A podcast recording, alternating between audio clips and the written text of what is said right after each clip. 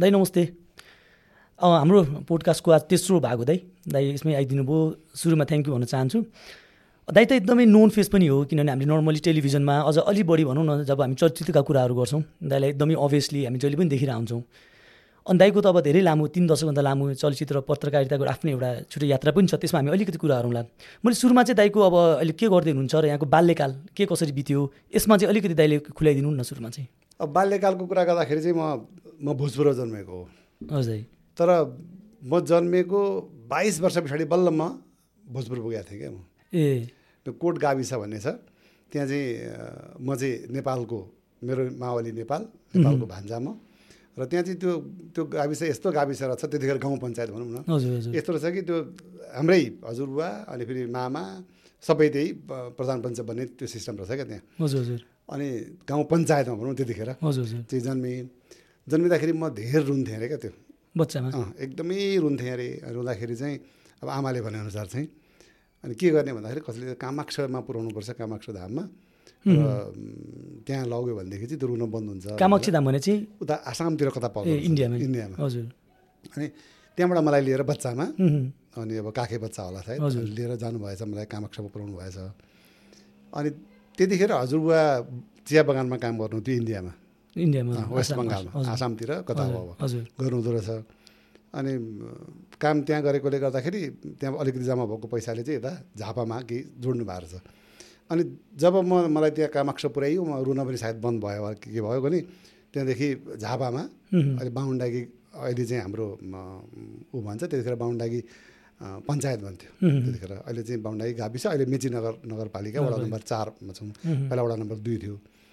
अनि त्यहाँ हामी त्यहाँ मतलब मलाई ल्याइएछ क्या त्यहाँ। हजुर। त्यहाँदेखि झापामा बसेको बस्दा बस्दा बाइस वर्ष पछाडि बल्ल म चाहिँ हाम्रो जन्मेको ठाउँ पुगेछु फेरि क्या भोजपुर। भोजपुर पुगेछु त्यहाँ। नागरिकता बनाउनु सिलसिलामा त होइन नि? होइन। नागरिकता चाहिँ फेरि मेरो काठमाडौँमा छ। ए। त्यो बिचमा हजुर काठमाडौँ नागरिकताको एउटा गजबको कथा के छ भने हजुर। मेरो त्यो जुन घरमा म जन्मेँ मावलामा त्यो घरमा चाहिँ राजा महेन्द्रको सवारी भएको बेला त्यहाँ एकछिनको लागि आराम गर्ने त्यो बनाएको रहेछ क्या त्यो घर। ए हजुर। मेरो मावला त्यो प्रधान पञ्चायत भएकोले गर्दा अभियसली त्यहीँ बस्ने भए। अनि राजा त्यो सवारी हुँदाखेरि चाहिँ त्यो घरमा जन्मेकोले गर्दा मेरो नाम राजन राखेको रहेछ क्या। ए हजुर एक्चुअल नाम चाहिँ राजन। राजन हो। त्यो नुहारनको नाम त होइन। होइन राजन हो। अनि अब मलाई त राजन सुनेको जसले पनि गाउँमा राजन भन्ने। फेरि मेरो पढाइ चाहिँ इन्डियामा भएको मेरो संस्कृत पढेको यहाँ थाहा छँदैछ होइन? र उहाँ मैले राजन नाममा मेरो सर्टिफिकेटहरू भयो। ए हजुर। पछि यहाँ आउँदाखेरि त्यतिखेर के थियो भनेदेखि चाहिँ बुवाको नागरिकताको पछाडिपट्टि चाहिँ छोराहरूको नाम लेख्ने चलन थियो क्या। छोराछोरी जसको भए पनि। पछि सिडिओले त्यसको आधारमा चाहिँ नागरिकता दिने। भनेपछि त्यतिखेर नागरिकता बनाउनु भनेको त मान्छेको बच्चाहरू भइसके पछाडि अनि बल्ल त्यहाँ चाहिँ। जब त्यो नागरिकताको टोली जान्थ्यो त्यतिखेर जस्तै बुवाको नागरिकता बनाउने बेलामा चाहिँ को को छन् बच्चा भन्दा अनि त्यो त्यसरी भन्ने चलन रहेछ त्यो। अनि त्यो बुवाको नागरिकता पछाडि चाहिँ मेरो नाम चाहिँ ऊ थियो राजन। राजन। अनि म पढ्न गएँ इन्डिया। हजुर। इन्डिया जाँदाखेरि चाहिँ त्यहाँ राजनबाट राजेन्द्र बनाइदियो त्यो हजुर। राजेन्द्र बनाइदिए। राजेन्द्र त बनाए एक साल त राजेन्द्रमै चल्यो। पछि त्यो राजेन्द्र चाहिँ यति ठाउँबाट त्यो गुरुकुलमा अब भारतभरिका आउने नि त। विद्यार्थीहरू। अनि तिन चार ठाउँका राजेन्द्र भए। कसले अनि मलाई नेपालवाला भन्न थाले राजेन्द्र नेपालवाला भन्न थाले कोही मैनपुरीवाला भन्न थाले कोही कहाँ गाजियाबादवाला भन्न थाले होइन? अनि त्यो पनि अटपटा भएपछि लु चेन्ज गरौँ भनेर त्यतिखेर इन्डियामा एउटा ठुलो नेता हुनुहुन्थ्यो। प्रकाशवीर शास्त्री भन्ने। ए हजुर। मन्त्री हुनुहुन्थ्यो। र म जुन चाहिँ आस्था बोकेर जुन आस्थाको परिधिमा रहेर चाहिँ हामी त्यहाँ पढ्न गएको थियौँ गुरुकुलमा त्यही संस्थासँग आबद्ध चाहिँ उहाँ व्यक्ति हुनुहुँदो रहेछ। प्रकाशवीर शास्त्री। उहाँको चाहिँ ट्रेन एक्सिडेन्टमा उहाँको निधन भयो। मन्त्री हुँदा हुँदै। त्यो भएपछि अनि यो धेर नाम भयो अब उहाँ उहाँको स्मृतिमा एउटा नाम हुन्छ ल तेरो नाम चाहिँ प्रकाशवीर राख्ने उहाँहरूले गुरुजीले प्रकाशवीर आजदेखि ऊ प्रकाश भनेर भनिदिनु क्या हजुर नुहारको नाम चाहिँ के? त्यो त हजुरको तिनवटा नाम त हामीले थाहा पायौँ। राजन राजेन्द्र। नाम विष्णु। ए भने चारवटा नाम एक्चुअलमा चाहिँ। विष्णु राजन राजेन्द्र प्रकाशवीर प्रकाशचन्द्र प्रकाश सुवेदी ओहो। भनेपछि हजुरको फर्मल एजुकेसन लिनु भएन कि लाइक गुरुकुलबाटै स्टार्ट छ। गुरुकुल भनेको चाहिँ कस्तो थियो भने प्राचीन गुरुकुल चाहिँ त्यो अर्कै त्यो ऋषिकुल भयो। हजुर। ऋषिकुल र गुरुकुलमा अलिक फरक छ। ए हजुर हजुर। गुरुकुललाई चाहिँ पछि के भयो भनेदेखि चाहिँ संस्कृत पढ्ने मान्छे त मान्छे होइनन् भन्ने पनि एकचोटि आयो नि त। होइन? अनि यसलाई पनि जुन मूल धारमा ल्याउनुपर्छ र उनीहरूलाई पनि सर्टिफिकेट दिनुपर्छ भन्ने केही भयो होला उहाँहरूको। र त्यो जहाँ पढे पनि त्यसलाई पनि त्यो बोर्डसँग घाँस दिए। होइन? घाँसेपछि सर्टिफिकेट चाहिँ पाउने तर कसरी कहीँ पनि नचल्ने। म प्योर कर्मकाण्डी ब्राह्मण। मैले जुन विद्या पढेको हो म चार बजी उठ्ने हाम्रो त्यो गुरुकुलमा घन्टी बज्ने बिहान चार बजी हजुर हेर्नु यहाँ गाउँमा बिहान उठ्ने बित्तिकै त्यो अङ्गेनाको उसमा डिलमा गएर बस्ने चलन हुन्छ नि। तिन चिया खाने होइन त्यहीँ उ गर्ने चलन हुन्छ गाउँ। उठेपछि गाउँघरतिर। त्यस्तोमा हुर्केको केटा एकैचोटि गुरुकुलमा गुरुकुलीय संस्कृतिमा त्यहाँ चार बजी उठ्नुपर्ने अब कति वर्ष उमेर हजुर उता गुरुकुल धेरै सानो म यहाँ भयो फाइभ क्लास पास गरेर सिक्सको किताब किनिसकेको थिएँ तर पढ्न पाइनँ। भनेपछि फाइभसम्म चाहिँ फर्मल एजुकेसन पढ्नु स्कुलमै? सरस्वती निम्न माध्यमिक विद्यालय बाहुन्डाकी झापा छबाट पढ्नलाई बल्ल उहाँ गएँ उहाँ गएपछि त्यो प्रवेशिका भन्छ क्या त्यहाँ चाहिँ। प्रवेशिका सुरुको यो संस्कृतको त्यहाँबाट प्राइमरी। हाम्रो। त्यहाँ पढ्न थालियो। अनि त्यहाँ चाहिँ अब यस्तो विधान कडा विधान नि त्यो चार बजी बिहान उठ्नै पर्ने। उम्, निन्द्रा खुल्नै पर्ने। पहिलोपट्टि एक महिनासम्म पो अलिअलि माया गरेँ त बच्चा। सम्झेर होइन? त कुट्न थालेँ। आँखा खुल्दैन थियो बिहान चार बजे। तर यस्तो बानी परेछ आज पनि म चार बजी उठ्छु। त्यो त्यो बेलाको त्यो जुन बानी थियो अहिलेसम्म कन्टिन्यू अहिले म राति एक बजे सुतेँ भने पनि म चार बजी उठ्छु। अनि गर्ने चाहिँ के त? जस्तो चार बजी उठ्नुभयो। अब हजुर के सुरु हुन्छ नि? चार बजी उठिसकेपछि हामीलाई अब टोयलेट हुँदैन। आश्रममा। जानुपर्छ जङ्गलै। त्यो कोही पुरातन। त्यो लोटा बोकेर। अनि जाने लगभग एक डेढ किलोमिटर। त्यो गजब के रहेछ भने नि यतिखेर आएर बुझ्दा त्यतिखेर चाहिँ मलाई सजाय लागेको थियो। हजुर हजुर। तर अहिले बुझ्दाखेरि चाहिँ होइन बहुत ठिक रहेछ लाग्यो। एक त बिहान ब्रह्म मुहुर्तमा उठ्यो। हजुर हो। त्यो सबभन्दा राम्रो। दोस्रो एक डेढ किलोमिटर दुई किलोमिटर पदयात्रा गरियो। भने हजुरको पढ्ने ठाउँ र बस्ने फरक फरक हुन्थ्यो। त्यो त उनीहरूको ठुलो यति ठुलो ए, compound compound नै थियो, आफै त्यो त एकदम ठुलो भयो। भयङ्कर ठुलो थियो होइन। खेतीपाती त्यत्र बच्चाहरूलाई सबै त्यहीँबाट उद्भव हुन्थ्यो नि त। अझ त्यहाँ त ठुलो बगैँचा थियो। अमरुद भन्छ नि संस्कृतमा दृढबीज फलानी भन्छ क्या यसलाई। अनि त्यो त्यो बगैँचा पनि थियो। त्यहाँबाट ठुलो उनीहरूले सेल गर्थे मतलब बेच्थे त्यो। अनि एक दुई किलोमिटर त्यो अम्बाको बगैँचामा पनि हुँदैन थियो। त्यहाँदेखि त्यसलाई पनि क्रस गरेर जानु पर्थ्यो क्या हजुर।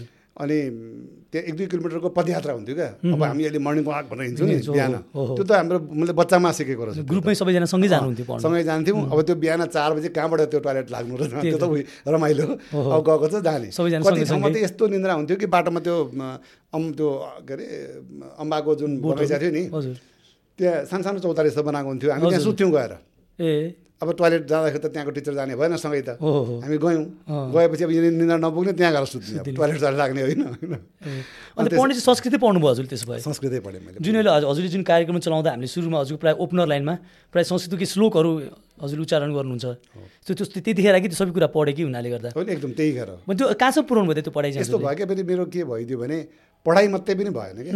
पढाइ त आफ्नो एउटा भयो होइन। जस्तै मैले शास्त्री गरेको छु संस्कृतमा।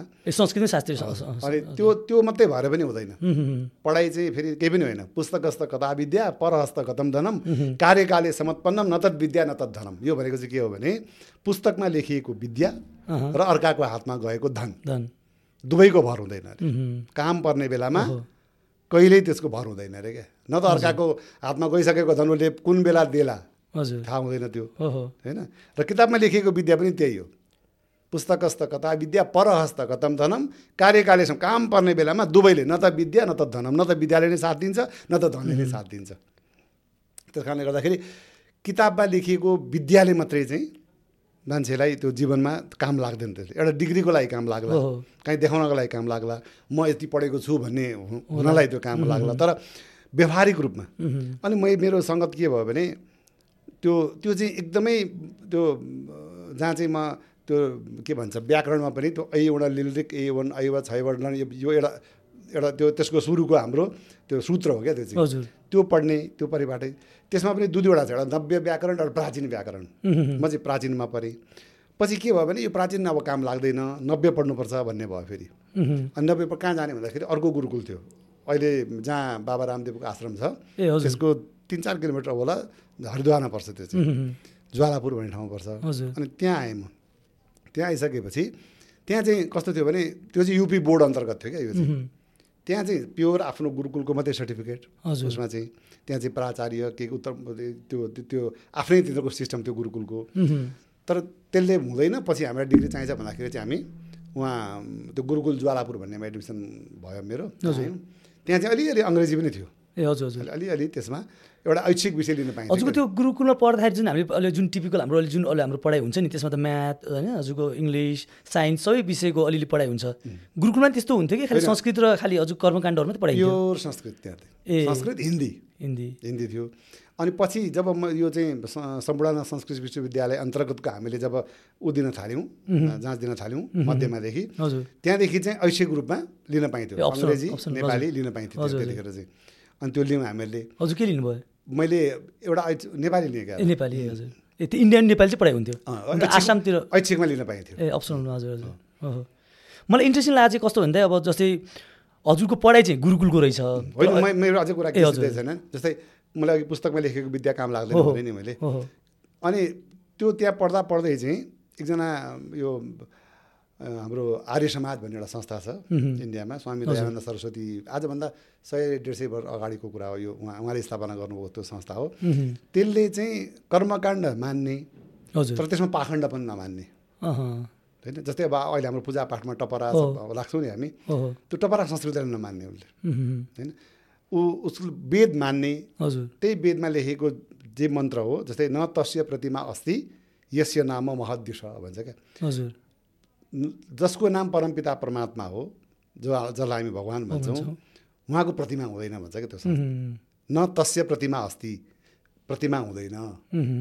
जसको नाम चाहिँ महद्युष जो चाहिँ महान के अरे ईश्वर हुन्। ईश्वरको प्रतिमा कहिले पनि हुँदैन। ईश्वर आत्मामा हुनुहुन्छ। हजुर। भन्ने त्यो त्यो संस्कृतिमा हुर्केको मान्छे नि त म। हजुर हजुर। त्यस कारणले गर्दाखेरि त्यो त्यहाँ त्यहाँ आइसकेपछि चाहिँ पढ्दै गयौँ। पढ्दा पढ्ने क्रममा चाहिँ एकचोटि मेरो त्यही अघि मैले भने आर्य समाजको एकदम ठुलो गुरु हुनुहुन्थ्यो अमर स्वामीजी महाराज भने उहाँको मैले नाम सुनेको पेपरहरूमा उहाँको न्युजहरू पढेको र उहाँसँग भेट्न पाए हुन्थ्यो भन्ने भएको थियो मलाई। तर उहाँ एक दिन त्यो आफ्नो कथा सम्बन्धी प्रवचन सम्बन्धी चाहिँ त्यही ज्वालापुर भन्ने एउटा बानप्रस्थ आश्रम छ त्यहाँ आउनुभएको रहेछ उहाँ। त्यहाँ आएपछि मलाई के अरे भेट भयो मेरो। म भेट्न गएँ। भेट्न जाँदाखेरि चाहिँ उहाँको आश्रम दिल्लीमा रहेछ गाजियाबाद भन्ने ठाउँमा दिल्लीको बोर्डर हो भनौँ न युपीमा पर्छ बिल्कुल टाँसिएको छ। नोएडा भन्छौँ नि हामी। नोएडा र गाजियाबाद सँगसँगै छ। अनि उहाँले छुट्टी हुँदाखेरि कवि आओ दिल्ली आओ के भन्नुभयो। मैले पनि अब सधैँ घर गइन्थ्यो यसपालि दसैँमा चाहिँ दिल्ली जान्छु दिल्लीमा जाने भनेर। गयौँ त्यहाँ छुट्टीमा चाहिँ। दिल्ली गएको उहाँसँग बस्यौँ। उहाँसँग बस्दाखेरि यति प्रभावित भएँ कि मलाई छोड्नै मन लागेन। उहाँको। त्यो प्रवचनहरू नि त्यतिखेर म बच्चै थिएँ र पनि त्यो उहाँको प्रवचनले तान्थ्यो क्या मलाई कति कुन उमेरको हुनुहुन्थ्यो? म त्यतिखेर कति थिएँ होला चौध। चौध? तेह्र। तेह्र चौध कति थियो अनि यस्तो राम्रो राम्रो उहाँले कोटेसन दिने होइन? त्यस्तो बोल्ने संस्कृतका उक्तिहरू बोल्ने दृष्टान्तहरू दिने होइन? त्यो त्यसले एकदम मलाई रमाइलो लाग्न थाल्यो क्या त्यहाँ। अनि उहाँसँगै बसेँ उहाँसँगै म उहाँले नि त्यहीँ त्यहीँ लोकल उसमा चाहिँ प्राइभेट उसमा इक्जाम दिने व्यवस्था गरिदिनु भयो होइन अनि त्यो उहाँको प्रवचनहरूमा चाहिँ जाने क्या म बढी। जस्तै उहाँको कहिले बम्बई बोलाउने कहिले कता बोलाउने कहिले उडिसा बोलाउने हुन्थ्यो। म सँगसँगै उहाँको सहायक भनेर हिँड्थेँ क्या। ए हजुर गुरुजीको। त्यो क्रममा उहाँको त्यो त्यो त्यो पन जुन छ नि त्यो अहिले आएको हो क्या मेरो प्रोग्राममा चाहिँ। ओके। जुन उक्तिहरू आउँछ जुन कथाहरू आउँछ जुन। दृष्टान्तहरू दिन्छु होइन। त्यो चाहिँ उहाँका थियो उहाँबाट मैले साभार लिएको भन्दा पनि त्यो- त्यो स्कुलमा हुर्किया भएर मलाई इन्ट्रेस्टिङ लाग्छ के भने जस्तै अब हजुर अहिले जुन फिल्डमा हुनुहुन्छ होइन अब ग्ल्यामर वर्ल्ड भन्छौँ हामी चलचित्रमा हुनुहुन्छ भनौँ न त्यसको न्युजमा हुनुहुन्छ। अब हजुरको ग्रोन अप स्कुलिङ चाहिँ एउटा गुरुकुलमा भयो नितान्त हजुरको कर्मकाण्ड संस्कृत विद्या अझ हजुरले भर्खर भनिहाल्नु संस्कृतका श्लोकहरू उक्तिहरू एउटा हजुरको स्कुलिङ भनौँ न दैनिकी नै एकदम फरक भएको हो। अनि कसरी चाहिँ हजुर यो भनौँ न यो फिल्म जर्नलिजमतिर कसरी तानिनु भयो? यस्तो थियो हाम्रो गुरुजीको चाहिँ एउटा पत्रिका थियो क्या अमर वेद ज्योति भन्ने। पत्रिका थियो। ए। अनि त्यहाँ अब सँगै बसेको सहायकको नाम केही न केहीमा राखिदिउँ भनेर। ए हजुर हजुर। उहाँले राखिदिनु भयो नै हजुरको? राखिदिनु भयो राखेपछि नाम मात्रै भयो नि मैले के लेख्नुपर्छ भन्ने भयो क्या त्यहाँ। अनि सानो सानो केही कुराहरू लेख्न थालेँ मैले। त्यतिखेर के के के बारेमा लेख्नुहुन्थ्यो? त्यति धर्म धर्मको धर्मकै। जे हो त्यही त हो होइन। धर्मको बारेमा संस्कृतको बारेमा आफूले पढेको बारेमा आफ्नो डायरी आफ्नो भनौँ न दिनचर्याको बारेमा। त्यस्तो लेख्न थालेँ अलिअलि। सानो सानो त्यो ठुलो होइन। लेख्दा लेख्दै के भयो भने त्यहाँ चाहिँ फिल्मी कलिया भन्ने एउटा पत्रिका निस्किन्थ्यो पहिला फिल्मको। ए हजुर। दरियागञ्ज दिल्लीबाट निस्किन्थ्यो त्यो।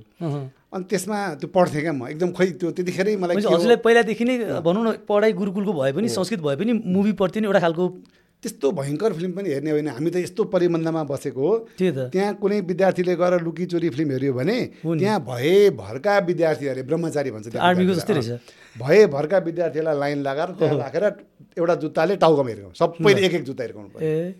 त्यस्तो जति बढी भयो त्यति तनाव हुने रहेछ। त्यस कारणले कहिल्यै त्यहाँ बसेर फिल्म हेरिएन किनभने त्यो जुत्ता हिर्काएको थाहा छ नि त हजुर। हजुर। अन्त सबै विद्यार्थीलाई किन हिर्काउनु लाग्दो रहेछ भन्दाखेरि तेरो पनि भोलि अभिगत त्यही हुन्छ है। फिल्म हेर्न गएछ भने। त्यो संस्कृतिमा हुर्के उहुँ, तै पनि मलाई त्यो फिल्मी पत्रिकाहरू चाहिँ हजुर। खुब मन पर्थ्यो त्यतिखेर मायापुरी भन्ने निस्किन्थ्यो। मायापुरी त मायापुरी भन्ने निस्किन्थ्यो फिल्मी दुनियाँ निस्किन्थ्यो फिल्मी कलिया निस्किन्थ्यो होइन? उताबाट। त्यतिखेर अब यो अहिले केही थिएन त्यतिखेर पत्रिकै पढ्ने त भन्ने सबैले। अनि पत्रिका पढ्दाखेरि त्यो कलाकारहरूको बारेमा नि त्यो कुराहरू पढ्न मन लाग्ने क्या मलाई। अनि त्यो पढ्दै गयो हेर्दै अनि त्यहाँ मैले एउटा पाठक पत्र भन्ने आउँछ क्या त्यहाँ। त्यो त्यो फिल्मी कलिया भन्नेमा चाहिँ। दरियागञ्ज निस्किन्थ्यो मैले पोस्ट बक्समा हाल्ने। एउटा त्यहाँ प्रश्नोत्तर हुन्छ। हजुर हजुर। प्रश्नोत्तरमा पनि हाल्ने मैले। मेरो मिल्यो पनि। त्यो मिल्ने सिलसिलामा चाहिँ त्यो सानो एउटा उपहार दिँदो रहेछ नि त्यो उपहार लिने क्रममा लिन पनि गइयो। हजुर ओहो ल त्यहाँ त यो त गजब हुँदो रहेछ भनेर त्यहाँ त्यो त्यतिखेर मलाई त्यो फिल्मी चिजको रस पर्सेको चाहिँ त्यहाँबाट हो। अनि त्यस पछाडि मैले त्यो त्यही अमरबेद ज्योतिमा पनि त्यस्ता अलिकति फिल्मी कुराहरूलाई धार्मिक उसमा ढालेर मैले अलि लेख्न। थालेँ थिएँ। अनि त्यहाँ दैनिक प्रलयङ्कर भन्ने पत्रिका निस्किन्थ्यो हाम्रो गुरुजीकै चेला हुनुहुन्थ्यो एकजना। उहाँ सम्पादक हुनुहुन्थ्यो। अनि मलाई चाहिँ त्यतातिर इन्ट्रेस्ट भएर म त्यतातिर काम त्यहाँ काम गर्न गएँ म त्यहाँ। अनि एक दिन साइकलमा हिँडिरहेको थियौँ। साइकलमा हिँड्दा साइकल चलाउनु साइकल त्यतिखेर? चलाउँथेँ म एकदम। साइकलमा हिँड्दा थिएँ। एउटा त्यो त्यो कविनगर भन्ने ठाउँमा चाहिँ एकजनाले एकजनाको मारवाडीको पैसा व्यापारीको पैसा लुटेर भागेको रहेछ त्यहाँ। हजुर। अनि त्यहाँ झुरुप्प भयो। के भयो के भयो भन्दाखेरि चाहिँ एउटा यस्तो लगो भनेपछि म त त्यहाँ दैनिक प्रलयङ्करको संवाददाता भइसकेको थिएँ।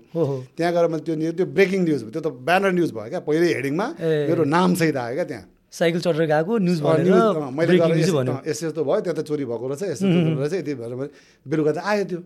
त्यहाँबाट जब मेरो नाममा ठुलो ब्यानर न्युज आइसकेपछि त म त ठुलै मान्छे म जस्तो लाग्यो त्यतिखेर। अनि पत्रकारिताको त्यो हुँदै गयो हुँदै गयो। भएपछि यता आइथ्यो यता आउने क्रममा चाहिँ यता बिदामा आउनुहुन्थ्यो होला। यता आइथ्यो आउँदाखेरि त्यतिखेर चाहिँ यहाँ कामना भन्ने होइन त्यतिखेर मोहन निरोलाजीको एउटा आँसु भन्ने पत्रिका थियो। त्यो सेमी फिल्मी निस्किन्थ्यो क्या त्यो चाहिँ। मोहनजी पनि अब कलाकारितामा एकदम पहिला पहिलादेखिको मान्छे बिजेको मान्छे। अनि उहाँले चाहिँ सायद त्यही भएर आफ्नो साप्ताहिक पत्रिकालाई उहाँले फिल्मी त्यत्तिकै बनाउनु भएको थियो। अनि त्यो आँसु भन्ने पत्रिका एउटा निवरणमा किन्न पाइन्थ्यो त्यो हामी पढ्दाखेरि यो रहेछ भन्ने। त्यो पछि कालादामा कामना भन्ने पत्रिका हजुर। कामना भन्ने पत्रिका चाहिँ प्योर फिल्मी भएर निस्क्यो। ए हजुर। होइन? त्यो त्यतिखेर त्यो उयो पत्रिका साइजमै आउँथ्यो क्या। अनि त्यहाँ आएपछि मलाई त त्यो चस्का थियो। अनि यदि यहाँ काम पाएँ भने म उता बस्दिनँ। ओके। म यतै आउँछु। त्यतिखेरसम्म उहाँ गुरुजीका प्रकाशनहरू सब मैले हेर्ने भइसकेको थिएँ। एक्सपिरियन्स भइसकेको थियो। किनभने उहाँका कतिवटा किताबहरू छाप्ने क्रममा त्यसको प्रुफ रिडिङदेखि लिएर त्यसको यावत भनौँ न मलाई लगभग छपाई सम्बन्धी अहिले पनि धेरै आइडिया छ। ए हजुर। त्यतिखेर त हजुरको छापा पत्रिका नै चल्थ्यो। अनि त्यहाँ आइसकेपछि अनि त्यहाँ गएँ त्यतिखेर यो विशाल बजारमा उहाँ जो सम्पादक बित्नुभयो उहाँ पुष्कलाल श्रेष्ठ उहाँको सरोज इम्पोरियम भन्ने एउटा सोरुम थियो। विशाल बजारभित्र। हजुर। त्यहीँ भित्रपट्टि एउटा कोठामा उहाँको सानो अफिस थियो त्यहाँ पत्रिका हुन्थ्यो।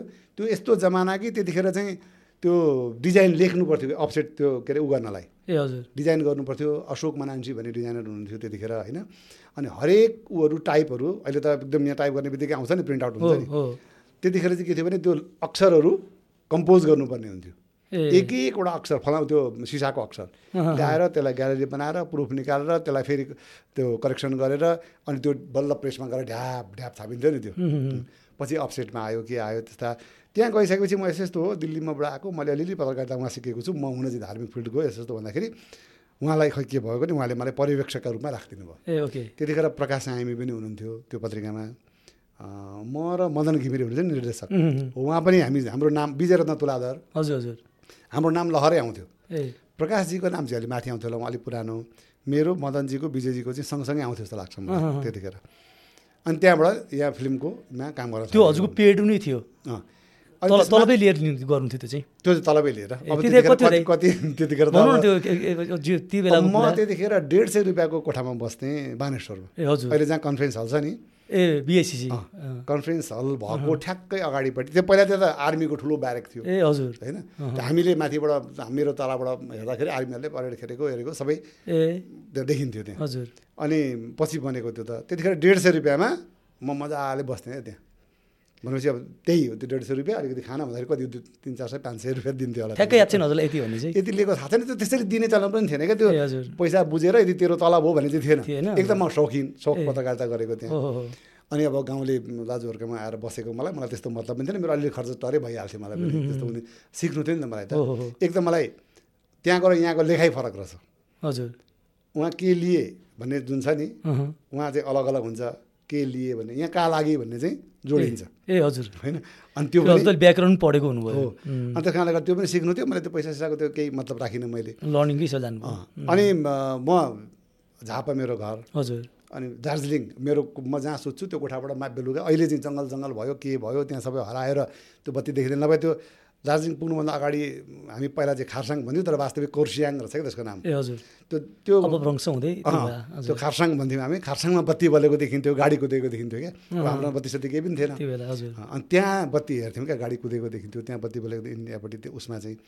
अनि मैले चाहिँ के छ दार्जिलिङको धेरै दार्जिलिङका कलाकर्मीहरूको यहाँ ठुलो योगदान छ क्या हाम्रो कलाको श्रीवृद्धि हुनमा चाहिँ पहिलाको तपाईँ चाहे सङ्गीतकारहरूको नाम लिनुहोस् गायक गायकको नाम सबै उताबाट यहाँ त्यतिखेर राजा महेन्द्रले ल्याएर यहाँ यहाँ यहाँको उत्थान गरे हो कला हजुर।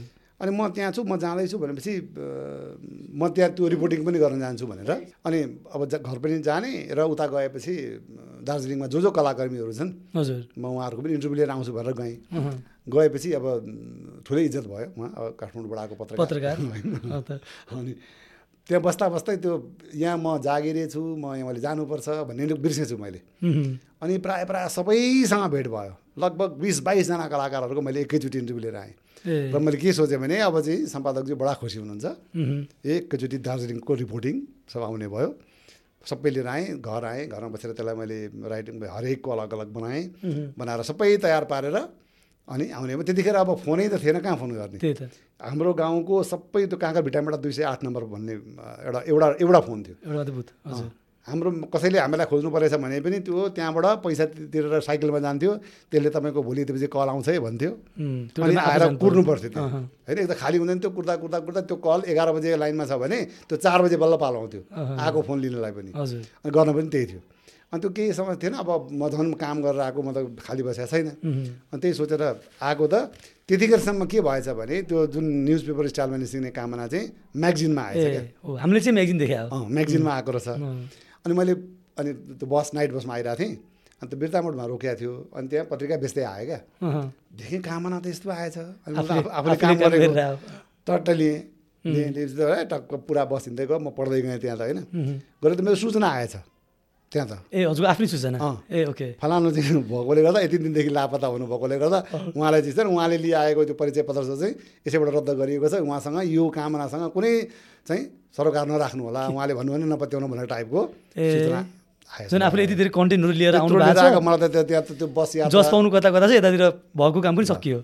अन्त त्यो अहिले के छ भने नि टेलिभिजनमा साहुहरू धेरै हुन्छन् नि होइन? हजुर, हजुर।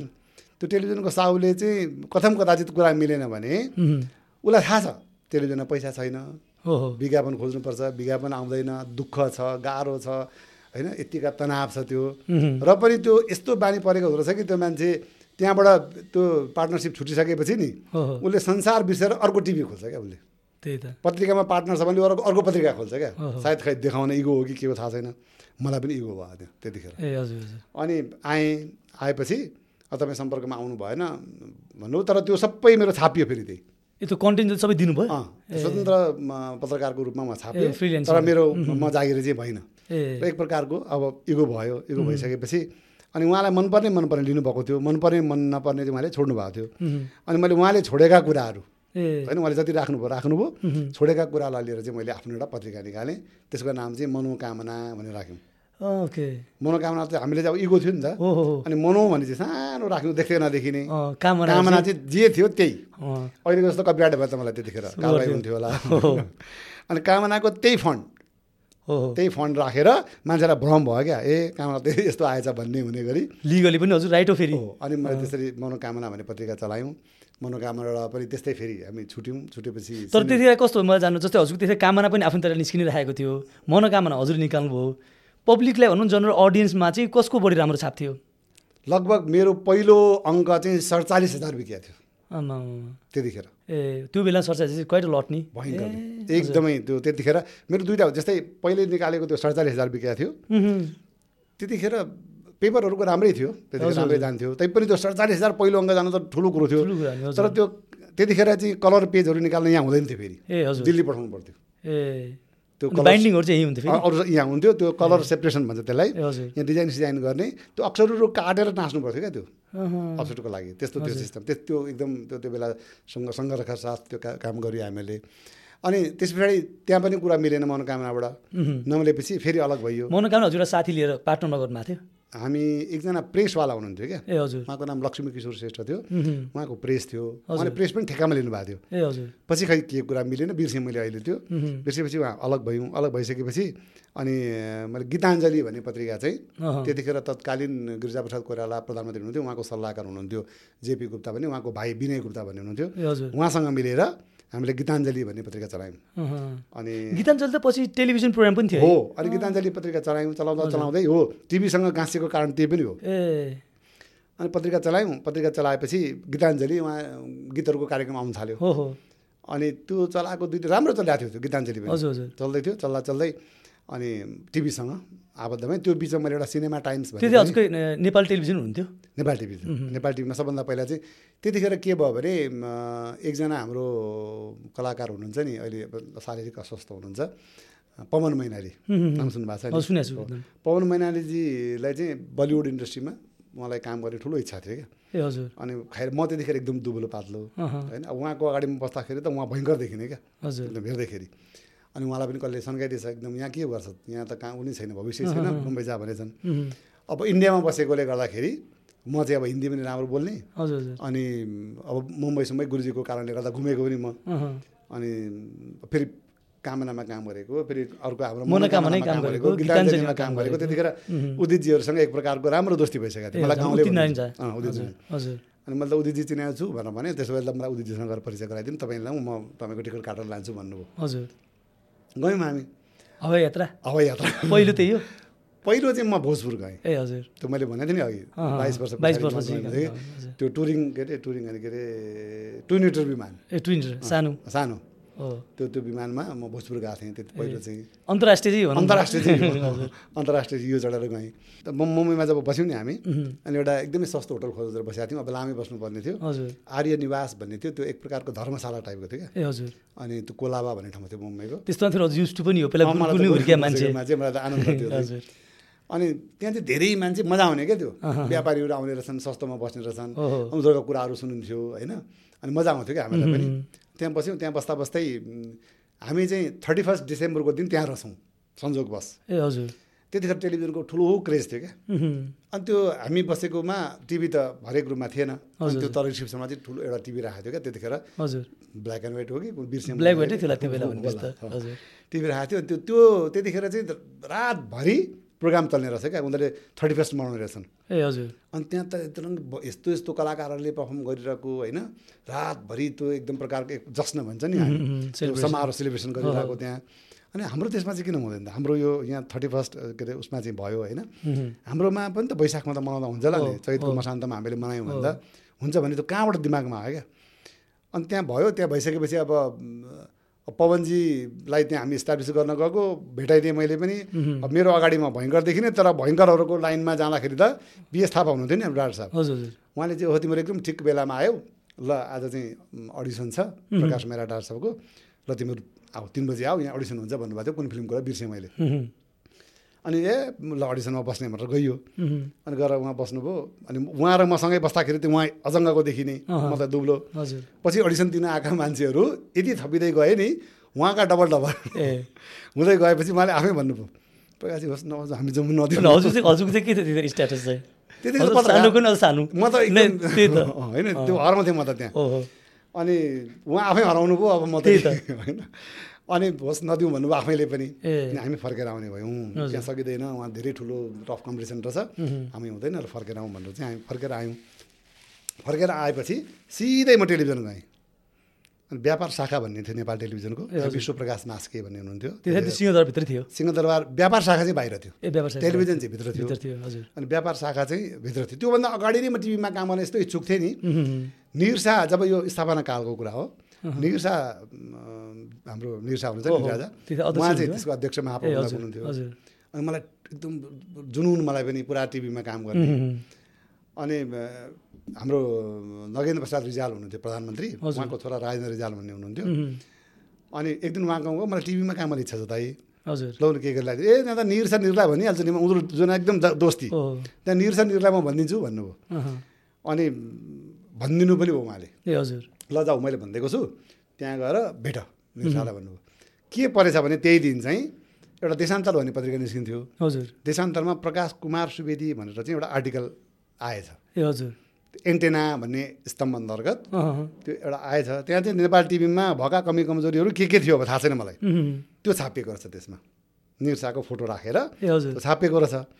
अनि मलाई नाम जुद्यो अब। मलाई बोलाउनु भयो त्यो प्रकाश कुमार सुवेदी रहेछ ए, हजुर। नाम चाहिँ। उहाँ चाहिँ परराष्ट्र मन्त्रालयमा काम गर्नुहुँदो रहेछ पछि थाहा पाएँ मैले अनि उहाँ गएको मैले चिट त्यतिखेर त अब भयङ्कर ठुलो नि त अब त कहाँ भित्र बसिन तेरो नाम दिएर फलान मान्छे भेट्न आएको छ भनेर। सिंहदरबार पस्ने पनि नायता कि के देखाउनु पर्थ्यो अहिले पनि। हजुर। अनि त्यो पसिन्थ्यो पसिसकेपछि त्यो चिट दिएर भित्र पठा पस पसेको छु। म बिहान एघार बजी पुगेको। हजुर। चार बजीसक्यो बोलाउनु न पालाउँदैन। दिक्क भइयो प्यास लागिरहेछ आफूलाई भोक लागिरहेछ दुनियाँभरि बोलाउनु हुन्न ए छोड्नु र आएँ। आएपछि एउटा त त्यो त छ नि त होइन। भोलिपल्ट फेरि गएँ मलाई त बोलाउँदै बोलाउनु भएन भने। अनि म के भ परेछ भने चाहिँ अनि मैले फेरि फोन किन नबोलाएको? मैले पठाएको भने त्यस्तो फटाला किन पठाएको? ए।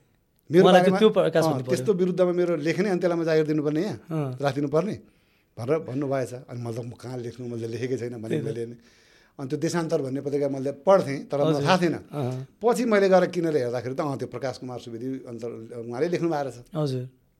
अनि अलिकति त्यहाँ समीक्षा रहेछ त्यहाँभित्रको। नेपाल टिभीको। अनि अब भोलिपल्ट म गएँ। गएपछि पनि उहाँको मिटिङ सिटिङ भएर बोलाउनु भएन। हजुर। म चाहिँ त्यो दिन चाहिँ जसरी हुन्छ भेट्छु कतिखेर निस्किनुहुन्छ त्यतिखेर भेट्छु भनेर बसेँ म। निरसाजीलाई। अनि उहाँ निस्किनु भयो। होइन? अब हेर्दै राजा जस्तो नि पुरै अब दौरा सोरा कोट लाएर ढक्क निस्किने डर लाग्ने बोल्न पनि है अँ, त्यतिखेर हामी फुच्चे फेरि। हजुर। अनि गएको यस्तो यस्तो मलाई राजेन्द्र रिजालले पठाउनु भएको भनेपछि ए तपाईँ हो? ल आज भइहाल्यो यसो गर्नुहोस्। भोलि आउनुहोस्. बोलो उहाँले। अब त्यस्तो भोलि कतिचोटि गइयो बल्ल बल्ल बल्ल कुन दिन कुन भोलि हो थाहा छैन मलाई। भेट भयो अनि उहाँले ल यसो गर्नु। म अहिलेलाई ट्रेनिङमा तपाईँलाई राख्नु भनेर भनिदिन्छु। अनि तपाईँ ट्रेनिङ गर्न थाल्नुहोस् भन्नुभयो। अब त्यो कहिले ट्रेनिङ कता के त्यो सम्भवै भएन क्या। एक त त्यो कार्ड नभइकन भित्र पास्नु नपाइने जहिले जान। जहिले त्यो मलाई शास्ति भएर यो पनि काम छैन भन्ने भयो। अनि यो चाहिँ अलि अगाडिको प्रसङ्ग। हजुर। अनि जब हामी मुम्बईबाट फर्क्यौँ नि फर्केपछि म सिधै व्यापार शाखामा गएँ। त्यति। विश्वप्रकाश मास्के हुनुहुन्थ्यो। अनि उहाँलाई मैले भनेँ हेर्नु म पत्रिका चलाउँछु यसरी। गीताञ्जली मेरो पत्रिका हो तपाईँहरूको कार्यक्रम छ। अनि हामी चाहिँ उ गर्छौँ। के अरे होइन त्यो मनोकामना पत्रिका थियो। मनोकामना पत्रिका छ अनि के अरे अब यहाँ चाहिँ तपाईँहरूको यस्तो कार्यक्रमहरू पनि छ। त्यतिखेर चित्रलहर भन्ने कार्यक्रम थियो। गीताञ्जली भन्ने कार्यक्रम सब फिल्मी कार्यक्रम फिल्मी कार्यक्रम थियो। गीतहरू भयो त्योहरू त के हुनु र। केही थिएन। अनि उहाँले भन्नुभयो यो आइडिया त राम्रो हो तर हामी त स्पोन्सर चाहिन्छ यसलाई त को छ तपाईँहरू त्यस्तो भन्दाखेरि? अनि मैले पत्रिकाको साहुलाई भनेँ ल यस्तो यस्तो भनेको छ कुरा दिने अरे गर्ने हो त भन्दाखेरि गरौँ हाम्रो पत्रिकाको नाम हुन्छ भनेर उहाँले पनि त्यो भएर गीताञ्जली मनोकामना म्युजिकल नाइट भनेर हामीले चैत्र एकतिस गते राति जुन इन्डियामा हजुरले देख्नु भएको थियो त्यसकै कपी भनौँ न। कपी गरेर। मनोकामना म्युजिकल नाइट भनेर रातभरि हामी सारा कलाकार भनेपछि हजुरको यसरी हेऱ्यो भने त चलचित्र भनौँ न क्षेत्रमा चाहिँ पहिलो म्युजिकल नाइट सायद त्यही हो त्यसो भए। त्यही हो नि। नेपाल टेलिभिजनको इतिहासमा पहिलो राति। चैत्र एकतिस गते मनाउने परम्पराको सुरुवात हामीले गरेका। एकदम गर्वका साथ हिस्ट्री बोक्नु भएको रहेछ नि हजुर त। त्यति मात्रै होइन। के भयो भने त्यहाँ हामीहरूले अब एक घन्टाको दुई घन्टाको कतिको प्याकेज बनाउनु पर्ने त्यतिखेर आफूलाई आइडिया त थिएन केही पनि होइन टेलिभिजन खालि टेलिभिजन हेरेको मात्रै थियो। होइन। अनि त्यहीँकै त्यहीँकै साथीहरूको सहयोगमा जस्तो हो एउटा बनाइयो भनौँ न। हजुर हजुर। त्यतिखेर बनाइयो। अनि बनाउने क्रममा चाहिँ अलिकति कमेडी राख्ने भनेर। हामीले सन्तोष दाईसँग कुरा गऱ्यौँ। सन्तोष पन्त। हजुर। अन्त एउटा अहिलेको चलन चल्तीमा केही एउटा व्यङ्ग गरिदिनु न तपाईँले पनि। त्यहाँ भनेको थियौँ। अनि उहाँले चाहिँ हिजो आजका कुरा या आज भोलिका कुरा कि त्यस्तै कुरा। के नाम होइन हिजो आजको पछि आयो आज भोलिका कुरा त्यस्तै केही एउटा उहाँले बनाउनु भयो। ए त्यो हजुरकै प्रोग्रामको लागि या या नाम राखेको थिएन होला त्यसमा। सिधै उहाँले प्रदर्शन गर्नुभएको तर व्यङ्ग चाहिँ समसामयिक थियो क्या। उहाँको। हामीले सुटिङ गरेका थियौँ। अनि पछि त्यही कार्यक्रममा त्यो आएकोले गर्दाखेरि टेलिभिजनले उहाँलाई बोलाएर ए। यो त राम्रो सिरियल बन्छ नि तपाईँ। अहिलेको अहिलेको समसामयिक उसमा चाहिँ। यो थाल्नुहोस् भनेर हिजो आज कुरा त्यसरी स्टार्ट भएको त्यसरी स्टार्ट भएको। सन्तोष दाईलाई कतिको याद छ छैन होइन? मैले त्यो सम्झना चाहिँ आफूले गरेकोले गर्दाखेरि। त्यस पछाडि सन्तोष दाईले धेरै लामो हिजो आजको कुरा भनेर उहाँले त्यो त थुप्रो चल्यो नि है धेरै त- मलाई पनि अहिले याद छ हामी भर्खर भर्खर टेलिभिजन हेर्दाखेरि चाहिँ। एकदमै हिट सिरियल। हो नि। उहाँले त पछि मुभी पनि गर्नुभयो क्यारे मुभी चाहिँ त्यति हुन पाएन सायद। त्यो अलिकति चलेन होइन? अनि त्यस कारणले गर्दाखेरि त्यसरी मेरो टेलिभिजनमा इन्ट्री भयो। इन्ट्री भयो। अनि यहाँ टेलिभिजनमा चाहिँ के रमाइलो लाग्यो भने यता चाहिँ लेख्नुपर्ने हजुर। लेख्नुपर्ने हेर्नुपर्ने करेक्सन गर्नुपर्ने त्यो के अरे अब त्यो अँ, दुनियाँ गर्नुपर्ने डिजाइन गर्नुपर्ने त्यसको फोटो टाँच्नुपर्ने बहुत झमेला थियो पुरै। त्यो एकदमै गाह्रो थियो नि त त्यो। हजुर। यतातिर लग क्यामेरा खिच्यो एडिट गरेर हालिदियो। हालिदियो। लु सजिलो त यो रहेछ भन्ने भयो मलाई। ल यतातिर लाग्नुपर्छ भनेर बिस्तार बिस्तार त्यता लाग्यो। त्यता लागेपछि गीताञ्जलीमा पनि त्यो चित्रलहर भन्ने चलाएँ क्यार मैले सुरुमा चाहिँ। हजुर। चित्रलहरमा चाहिँ अलिकति कमेडी एउटा गीत अलिकति कमेडी अलिकति गीत। त्यतिखेर मनोज गजुरेलजी हामीसँगै जोडिनु भएको थियो। नारद खतिवटा जोडिनु भएको थियो। धेरै जोडिनु भयो त्यसरी होइन? त्यतिखेर हाम्रो जितु नेपालहरूले चाहिँ के गर्नुहुन्थ्यो भने टक्क टुक्क भन्नेमा दिनेश ऋषिजीकोमा चाहिँ त्यो त्यो सानो सानो चलाउनुहुन्थ्यो। क्लिपहरू हो, आउँथ्यो नि त्यो होला, हो। त्यो त्यो। त्यसैको आधार मानेर होला मैले त्यो चित्रलहर त्यसरी अलिकति कमेडी टाइपको केही व्यङ्ग अनि एउटा गीत। त्यसरी त्यसलाई गरेर त्यो हामीले चलायौँ त्यो दुई तिन वर्षै चलायौँ होला। त्यो पछि रस पस्दै गयो रस पस्दै गयो। त्यो पछाडि टेलिभिजन पनि के बाटो भयो भने अब त्यसरी हुँदैन। अब तपाईँले किन्नुपर्छ समय भन्ने भयो। ए हजुर। किन्दा किन्दै अनि आफै घरबाट पैसा हाल्ने आफै विज्ञापन खोज्ने आफै त्यो तर मेन्टेन गरेका थियौँ हामीहरूले त्यो ब्रेक इभन एकदम घाटा नाफा अब जस्तो काठमाडौँमा बाँच्थ्यौँ हामी त्यो। हजुर हजुर। बाँच्थ्यौँ अनि कालान्तरमा गएर भूषण दाईसँग भेट भयो। अनि त्यहाँ कति पैसा तिर्छस् भन्नुभयो? दस हजार तिर्छु होला दाई भने मैले। दस हजार हामीले उल्टा दिउँ भने आउँछस् मेरोमा भन्नुभयो। ए त्यो गजब भयो नि। अनि त्यहाँदेखि म आएँ आएपछि त्यहाँ त्यसरी अनि जोडिएँ रजतपट त्यहाँबाट सुरु भएको। कथा चाहिँ त्यहाँ हो। त्यहाँ God. कान्तिपुर आइसकेपछि अहँ। रजतपट भएको त्यो पहिलो हजुर कान्तिमा त्यो चलाउनु भयो त्यसको पनि एउटा गजब कथा के छ भने अहँ। रजतपट के अरे एउटा डमी बनान भन्नुभयो ए हजुर दाईले एउटा डमी बनाएर भन्नुभयो। अनि के भनेर बनाउने भनेको रजतपट नाम चाहिँ अब आफू संस्कृत विद्यार्थी भएकोले। गर्दाखेरि उम्. रजतपट संस्कृत नाम रजतपट भनेको सिनेमाको पर्दा पर्दा हजुर होइन हो अनि यो त्यही नाममा गर्ने भनेर त्यो त्यो चाहिँ रोकिएको थियो प्रोग्राम आलोक नेमाङजीले चलाउनुहुन्थ्यो। हजुर। अनि पछि के भएर हो त्यो उहाँले रोक्नु भएको थियो। दाइ म त्यही नाम चलाउँछु त्यही नामको डमी बनाउँछु भन्ने। अनि त्यसको पनि रमाइलो के छ भने किस्सा चाहिँ मैले त्यसको पहिलो डमी चाहिँ नेपाल टेलिभिजनको स्टुडियोमा खिचेको छु। ए ओके। ए। मैले एकदम त्यतिखेर ढाँटेर होस् छलेर होस् थाहा छैन के हो होइन। म एउटा डमी बनाउँछु यहाँको लागि हुन्छ भनेर बनाएँ होला सायद। तर त्यो चाहिँ मैले उहाँ लगेँ। एकजना बहिनी हुनुहुन्थ्यो सरल रिजाल भन्ने। अनि उहाँले चलाउनुहुन्थ्यो कार्यक्रम। अनि जब त्यो मैले यता आउने भएपछि उहाँ पनि छोडेर अघितिर जानुभएको थियो। भरे उहाँले उहाँले के गर्नुभएछ भने उहाँले पनि डमी बनाउनु भएछ। ए। जसलाई मैले त्यत्रो ट्रेनिङ दिएर बनाएर सिकाएर त्यत्रो एउटा एउटा बनायौँ नि हामीहरूले। अनि छोडेर जाने बित्तिकै उहाँले पनि त्यहीँ रजतपट बना कै कान्तिपुरकै लागि रजतपटको डमी बनाउनु भएछ। अनि भरे मेरो कम्पिटिसन आफ्नै चेलीसँग भयो त्यहाँ। अनि त्यहाँ मैले के लेख्ने भने यो डमी हो। हजुर। र यहाँ म अहिले जो बोले पनि यसमा चाहिँ एउटा सुन्दर कोही युवतीले प्रोग्राम चलाउनुहुन्छ। प्रस्तुता त्यो हुनुहुन्छ। र यो यो चाहिँ हुँदैन यो खालि जस्ट डमी हो भनेर तपाईँलाई खालि आइडियाको लागि भनेर त्यहाँ मैले लेखिदिएको थिएँ क्याप्सन त्यो त्यो प्रोग्राम अवधिभरि त्यो टेलअप चलिरहन्थ्यो। पछि अरू पाँच सातवटा पनि हेर्नु भएको छ त्यहाँ। अब मेरै चेलीको पऱ्यो एउटा त होइन। पछि के भयो भने मेरै कारणले चाहिँ त्यो पास भएछ। यो एउटै शर्तमा चाहिँ यो यो प्रोग्राम चाहिँ लिने। प्रस्तुता यही हुनुपर्छ। ए हजुर। भनेर दाइले भनिदिनु भएछ। अनि त्यो मेरो लागि त झन् राम्रो भयो। हजुर। होइन अब कहाँ को खोजी हिँड्नु? पहिला त खोज्नु पर्थ्यो सबै। उनलाई खोज ल्याऊ ट्रेनिङ देऊ होइन। अनि त्यहाँदेखि सिकाएर रेडी पार अनि फेरि अर्कोमा गइहाल्ने। त्यही त। त्यो अहिले पनि त्यही छ। भयो अहिले पनि त्यस्तै छ होइन। अनि त्यस्तो त्यो त्योभन्दा त झन् मलाई सजिलो के भयो भने अब त आफै बोल्ने भयो। हजुर इन्टेन्सनली म पर्दा अगाडि देखिन्छु मैले कदापि पनि मैले सोचेको थिइनँ कि म स्क्रिनमा देखिन्छु भनेर चाहिँ। तर कालान्तरमा के भइदियो भने साथी भन्ने फिल्ममा। जुन निर्सालाई भेट्नलाई मलाई त्यस्तो समस्या परेको थियो। त्यति मैले मुसक्कत गर्नु परेको थियो मलाई भेट्नलाई। उहाँसँग साथी भन्ने फिल्ममा खेलेर उहाँले मलाई अभिनय सिकाउनु भयो। ए भनेको हजुरको म उहाँ राम्रो रोल थियो? डक्टर भएर खेलेको छु। ए हजुर। र मैले अहिले तिनवटा फिल्म खेलेको छु तिनटै सुपर डुपर हिट। मेरो झापा भएकोले गर्दा झापा घर भएकोले गर्दा झापामा सुटिङ थियो त्यो साथीको। ए हजुर। अनि म गइदिएँ समाउनको लागि। अब त्यो कोही कलाकार पाएन अब बल्ल बल्ल बल्ल लोकेसन पाएको हुन्छ त्यहाँ सिद्धिएन भनेदेखि त्यसले दिँदैन भोलिपल्ट त्यो। नदिएपछि तपाईँले गरिदिनु अब यस्तो दुब्लो त्यो पनि हजुरको म कलाकार त गर्छु भनेर साथी? भन्ने साथी भन्नेको त्यो फिल्म अहिले पनि हेर्नु त्यहाँ क्लिप अहिले पनि आउँछ कहीँ टिकटकहरूमा हजुर। रजत पटङ्कले बोलेको डायलग भनेर। त्यो हेर्नुहोस् एकदम मरेन चाँसे छु हजुर अब मसँग केही थिएन लुगा।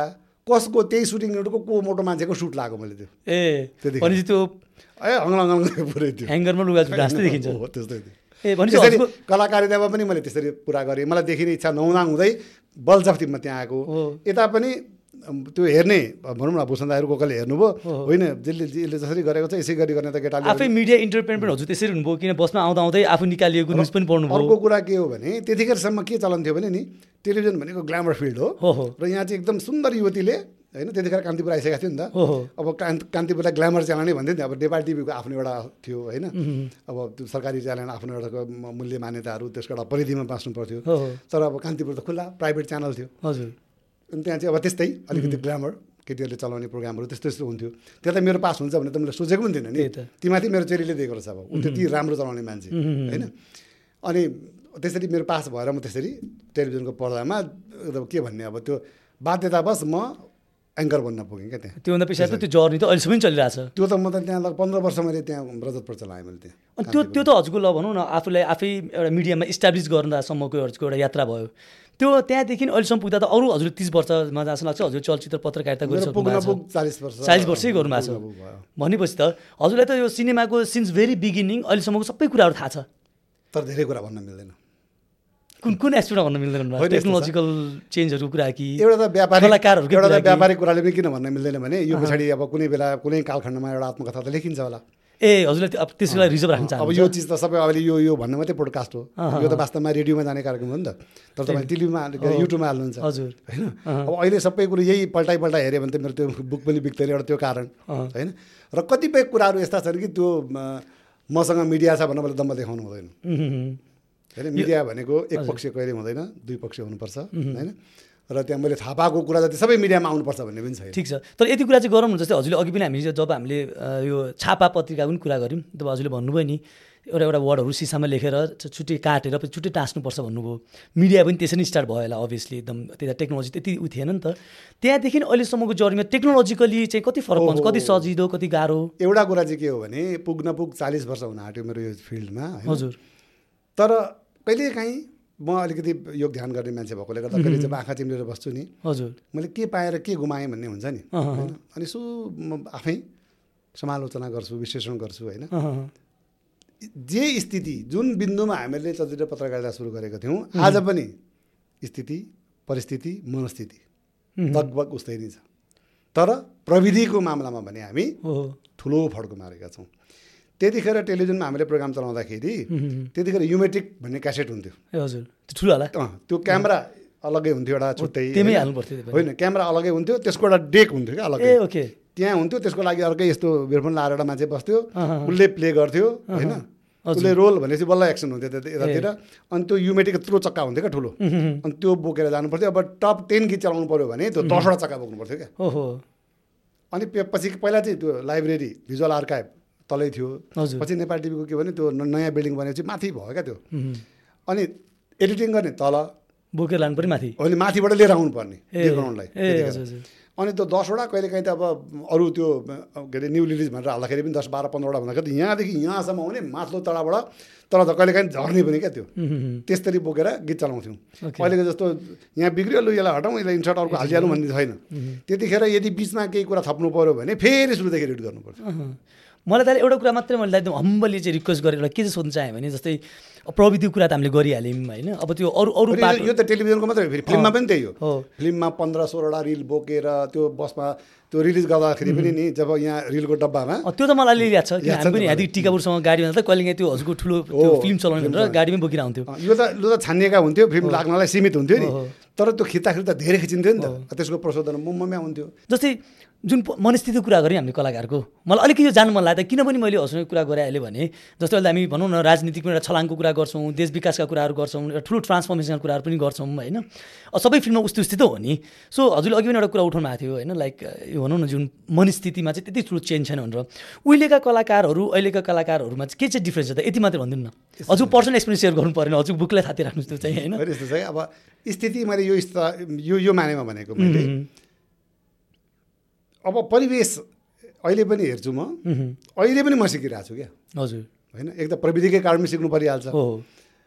र लगभग स्थिति उस्तै लाग्छ क्या मलाई। होइन? अहिले पनि सङ्घर्ष जुन बेला मलाई वसुन्धराले डमी बनाएर लिएर आइज भन्नुभएको थियो आज पर्यन्त पनि लगभग स्थिति उही नै छ क्या। स्थितिमा। अहिले जो कोही म यो फिल्डमा काम गर्छु हुन त अहिले युट्युब च्यानलहरू आए छरपष्ट आए एउटा मोबाइलबाटै खिचेर पनि अपलोड गर्ने जमाना आयो। तर अलिकति व्यावसायिक रूपमा अलिकति राष्ट्रिय टेलिभिजनमै काम गर्ने हुँदाखेरि चाहिँ अहिले पनि खै हेरौँ न त तपाईँको डमी कस्तो बनाउँछ तपाईँ एकचोटि हेरौँ भन्ने अहिले पनि छ त्यो क्या त्यो। अनि त्यो त ठिक छ। मैले अझ पनि अझ मैले खास बुझ्नु खोजेको कुरा चाहिँ खास के हो भने कलाकारको मनस्थितिको कुराहरू बुझ्नु खोजेँ क्या मैले जस्तो त्यतिखेर जस्तो हजुर थियो नि मुभी लाइनमा आउने भन्ने नि आफैमा एउटा खालको ऊ हुन्थ्यो।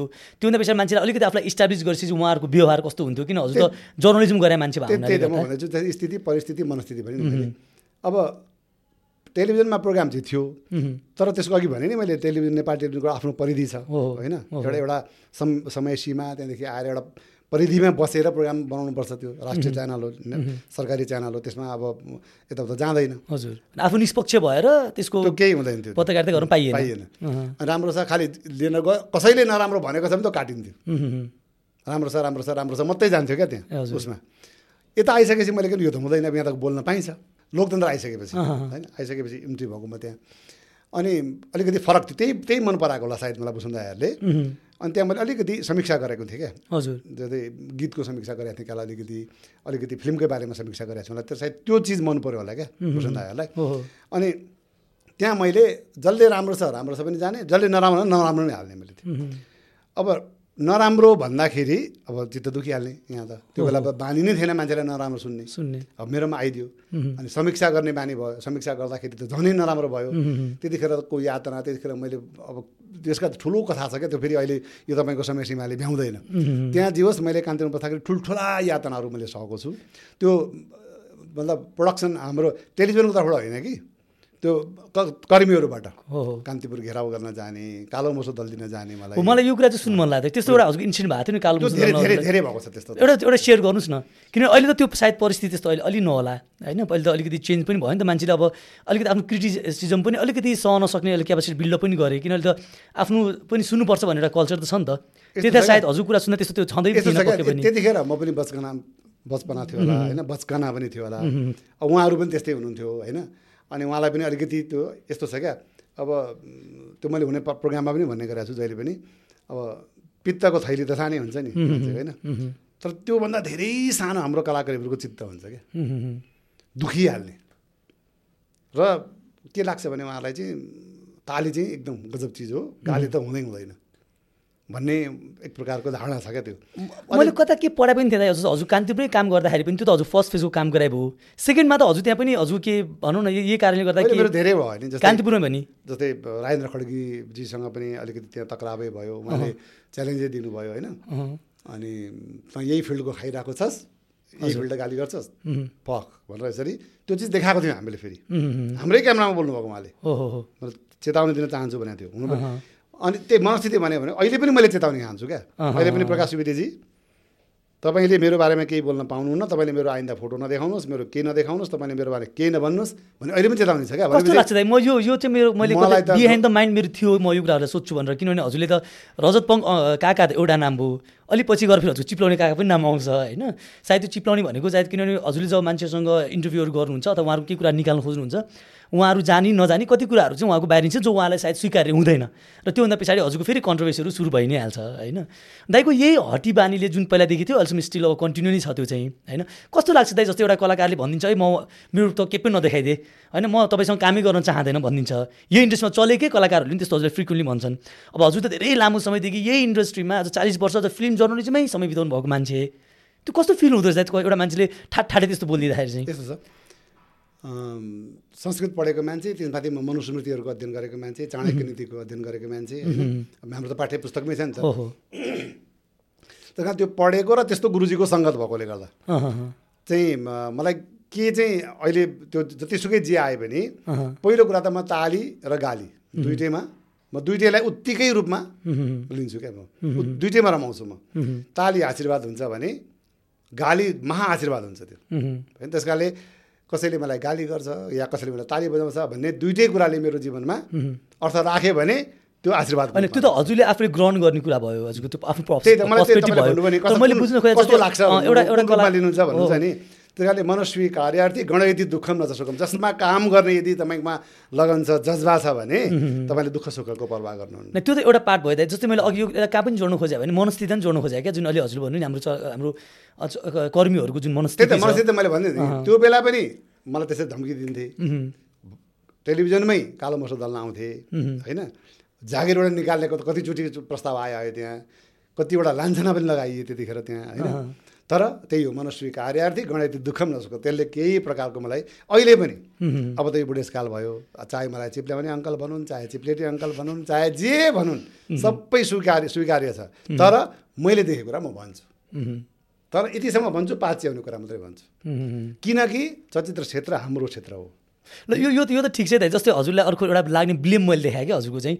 जस्तै यो त अन्डरस्टुड होइन। एउटा मान्छेले के भयो हजुरले आफ्नो नजरले जे राम्रो देख्नुभयो जे नराम्रो हजुर त्यही प्रश्नमा भनिदिनु भयो हजुर बायस हुनु भएन ठिक छ। तर हजुरको एउटा अर्को पनि एउटा विवादमा आउने हामीले फ्रिक्वेन्टली हजुरको इन्टरभ्यूमा देखिरहेको हुन्छौँ। जस्तै एउटा कलाकारले हजुर बोलाउनुहुन्छ नि उसको आइक्यू टेस्ट गर्नुहुन्छ क्या हजुर। होइन त सामान्य ज्ञानका कुराहरू सोध्नुहुन्छ। त्यो चाहिँ कतिको रिलिभेन्ट हो त्यो चाहिँ? यस्तो छ। त्यो पनि अहिले छैन। होइन मैले चाहिँ के बुझ्छु भने नि एउटा देशकाल परिस्थितिको बारेमा एउटा कलाकारले जानकारी लिनुपर्छ उम्, होइन? अहिले पो यहाँ ऊ छैन त। त्यो त्यो कुनै कलाकार प्रतिनिधि भएर कुनै अर्को देशमा गयो हाम्रो क्षेत्रको प्रतिनिधि गयो भने आफ्नो देशको बारेमा कसैले सोध्यो तेरो देशको जनसङ्ख्या कति छ? तेरो देशको भौगोलिक स्थिति कस्तो छ? तेरो देशमा को प्रधानमन्त्री छ? कस्ता कस्ता मन्त्री छन्? अहिलेको सञ्चार मन्त्री को हो तेरो देशको? भनेर सोध्यो भने त्यति कुरा सामान्य थाहा हुनुपर्छ भन्ने मेरो मान्यता हो होइन? त्यहीमा त हामीले इन्टरनेसनल कलाकारहरू कति यस्तो कुरामा त हामी चुकेको त धेरैलाई पनि देख्छौँ। तर मलाई जहाँ चाहिँ लाग्छ हजुर चाहिँ अलिक बढी त्यस्तो कुरामा चाहिँ कन्ट्रोभर्सीमा आउने रिजन चाहिँ के चाहिँ हुन्छ होला भने त्यही कुराले फेरि मान्छेले पछि उहाँलाई सोसियल मिडिया एकदम जज गरिदिएर उहाँलाई एकदमै त्यो टर्चर हुने खालको पनि देखिन्छ नि कति चाहिँ। यस्तो छ क्या? तपाईँलाई कतिको याद छ? तपाईँले पढ्नु भएको हुनुपर्छ होइन? हजुर। किनभने तपाईँको अब हाम्रो महानायक राय समालजीसँग त एकदम अन्तरङ्ग सम्बन्ध छ तपाईँको सँगै सँगै हिँड्नुहुन्छ एकदम दोस्ती यारी छ तपाईँहरूको होइन? देखिरहेछौँ। अमिताभ बच्चन हुन्छ नि भारतीय। सुपरस्टार। बिग बी भन्छन् पहिला चाहिँ के थियो भने जस्तै यतिखेर चाहिँ नरेन्द्र मोदीजी आफैमा सेलिब्रिटी प्रधानमन्त्री हो सेलिब्रिटी नेता नै होइन। उहाँ उहाँको अगाडि त ठुल्ठुला स्टार ठुल्ठुला कलाकारहरू केही पनि होइनन्। त्यति ठुलो क्रेज छ छ, उहाँको। तर त्योभन्दा अगाडि इन्दिरा गान्धीको बेलामा महिला प्रधानमन्त्री भएर उहाँको पनि एउटा थियो। त्यस बिचमा जति आए नि प्रधानमन्त्रीहरू खासै चिनिएको अनुहारहरू या कसै नोटिस गरिहाल्नुपर्ने भएन। कतिपय जाँदाखेरि चाहिँ त्यहाँ विद विदेशमा पनि यो कुन देशको यो प्रधानमन्त्री आएछ भन्थ्यो अरे क्या? हजुर। अनि भारतको भन्दा पनि नचिन्ने। नचिन्ने। होइन? अमिताभ बच्चनको देशको भनेपछि चिन्ने अरे क्या। यसमा त कलाकार स्टार्डमले गर्दा चिनिने होइन? प्रधानमन्त्री नचिनिने।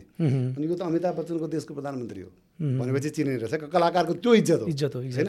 भनेपछि त्यो रूपमा जब मान्छेले कलाकारलाई लिन्छन् भने कलाकारले देशको बारेमा अलिकति भए पनि थाहा हुनु फेरि अर्को कुरा यो चाहिँ एउटा रमाइलो हो फेरि। होइन? यो मैले सिकेको पनि इन्डियाबाटै हो। होइन? अब जस्तै कतिपय कार्यक्रमहरूमा चाहिँ त्यो त्यहाँ पनि चस्ता चुस्ता प्रश्नहरू सोधिन्छ क्या। रमाइलोको लागि पनि। अनि कुनै कलाकारलाई बोलाइयो बोलाइसकेपछि अब एक घन्टाको टाइम हुन्छ। एक घन्टा कसैको आधी घन्टा टाइम हुन्छ। अब जे कुराको लागि बोलाएको जे सन्दर्भको कुनै फिल्मको लागि भयो भने फिल्मको कुरा त दस मिनट कुरा गरेर सिद्धियो। उहाँले त्यही भन्नुलाई मेरो फिल्म आगामीदेखि लाग्दैछ यो फिल्ममा यो यो खेलेका कुराहरू कथाहरू त भन्नु न उहाँले किनभने हलमा हेर्नु जानु पऱ्यो। अनि बके ब- के अरे बचेको टाइममा के गर्ने त अब? होइन खाली ठाउँ भन्नलाई त केही न केही चाहियो। त्यसमा केही रमाइलो पनि हुनु पऱ्यो। केही गरौँ भन्दाखेरि ल गरौँ भन्दा त्यो त्यसरी सुरुवात भएको। अब त्यो चिजले यस्तो रूप तर यसमा चाहिँ अर्को कुरा जस्तै मैले कहिले काहीँ हजुरलाई त्यो हुन त सबै कुराको दुइटा पार्ट त हुन्छ नै होइन? एउटा अर्को हजुरलाई लाग्ने चाहिँ मैले देखाएको चाहिँ हजुरले त्यो मान्छेले त्यो त्यो पोइन्टले ब्लेम गर्छन्। अहिले त हजुरको यो सोसियल मिडियाले गर्दा ए आफूलाई अलिक भ्यूहरू बढी पाउनलाई पब्लिसिटीको लागि होइन? अथवा आफ्नो प्रोग्राम चाहिँ अलिक त बढीभन्दा बढी मान्छेले हेरिदियोस् भन्ने इन्टेन्सनले त्यो हिसाबले नै उहाँले त्यस्तो गर्नुहुन्छ भन्ने पनि हजुर कतिले भ- हजुरलाई नै भन्छ होला कतिलाई? अहिले नि तपाईँलाई एकदम ध्रुव सत्य कटु यथार्थ तपाईँलाई भन्नुपर्दाखेरि चाहिँ आजको मितिमा मैले काम गर्नु पर्दैन। हजुर। है?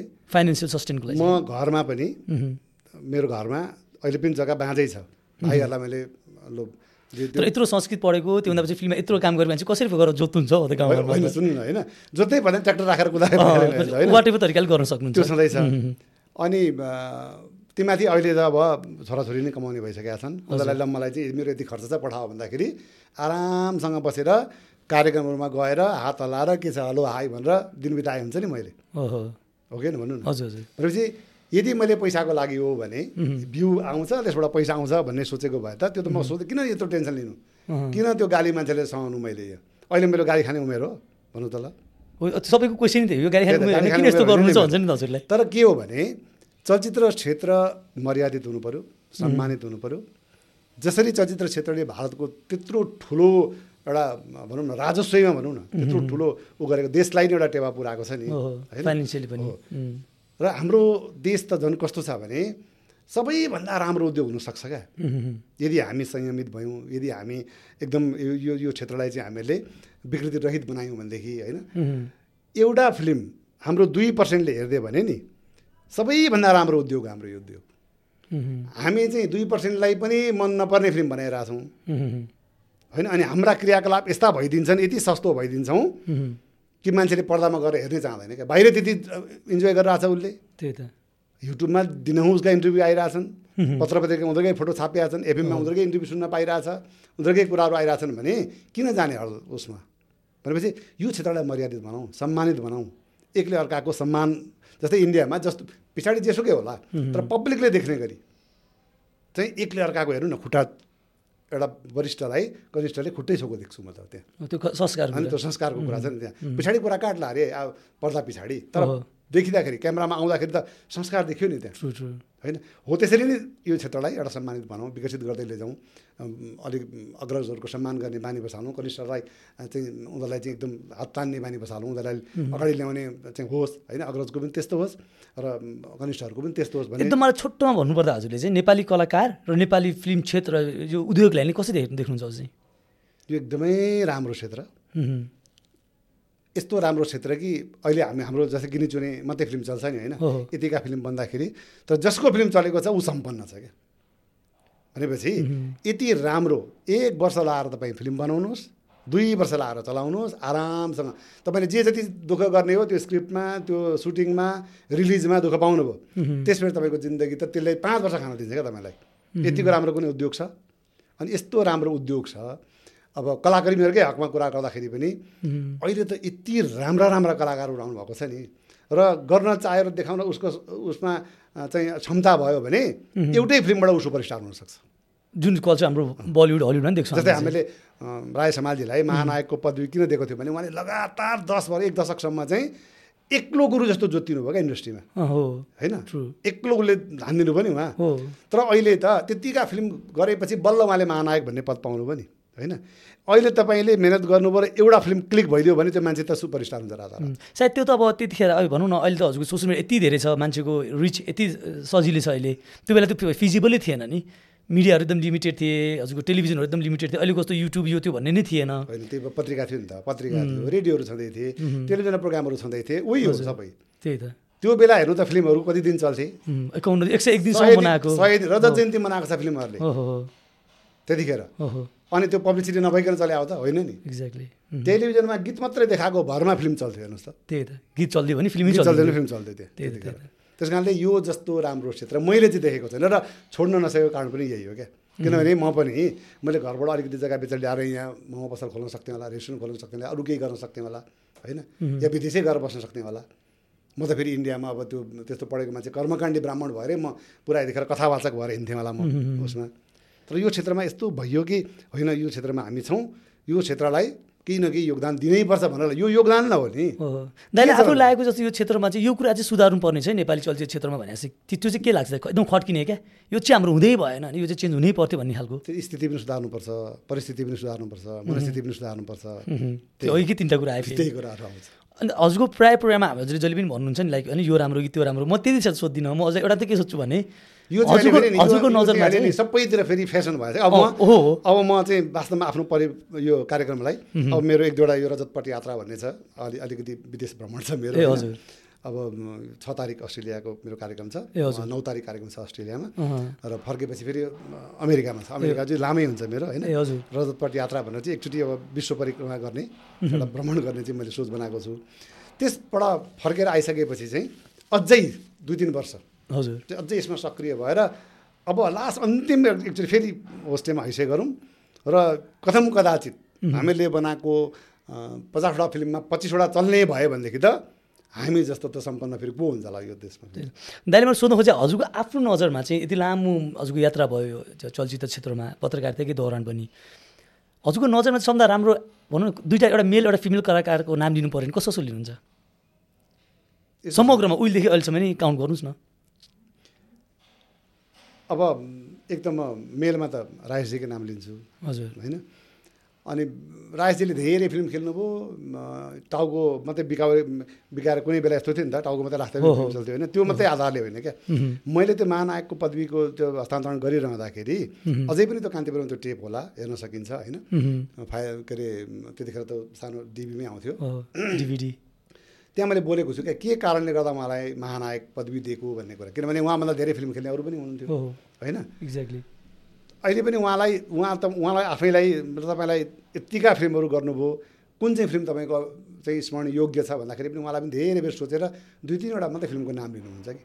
तथापि उहाँलाई महानायक किन दिनु भनेदेखि चाहिँ त्यो त्यस्तो माओवादी द्वन्द्वकाल होइन? सिनेमा हलहरू बन्द हुने बेलामा त्यतिखेर भनौँ न लगभग उहाँले त्यो इन्डस्ट्री त्यतिखेर नधान दिएको दस वर्ष नधान दिएको थियो भने अहिलेका पुस्ताले यो यो गर्व गरेर हामी अहिले जसरी हिरो बन्नुभएको छ हिरोइन बन्नुभएको छ होइन जसरी पर्दामा यत्रो भएको छ यत्तिका अहिले माइलेज भइरहेको छ नि यसमा धेरै ठुलो योगदान राजेशजीको पनि छ।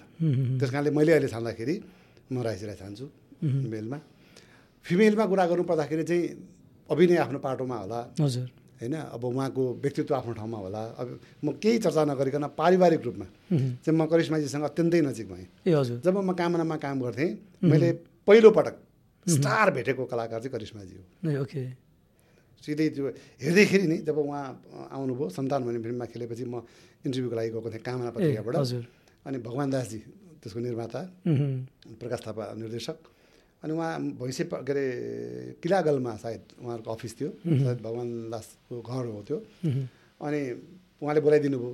अनि उहाँ जुन प्रकारको रङरूप जुन प्रकारको ड्रेसअपमा उहाँ इन्ट्री हुनुभयो नि परबाट हेर्दाखेरि नि त्यो त्यो अहिले हाई स्पिड अलिकति तपाईँ सम सम्झिनुहोस् त। मतलब को एकदम अप्सरा देखे जस्तो लाग्यो मलाई। त्यतिखेर। होइन? र यस्तो भइदियो नि पछि कालान्तरमा हामी एकदमै अन्तरङ्ग भयौँ। ए हजुर। यस्तो भयो कि हामी एक त विनोदजीसँग पनि साह्रै राम्रो सम्बन्ध भयो। उहाँले पनि फिल्मी कार्यक्रम चलाउनु ओहो। त्यो कारणले पनि नजिक क्ल्याप भयो। बोर्ड हो कि?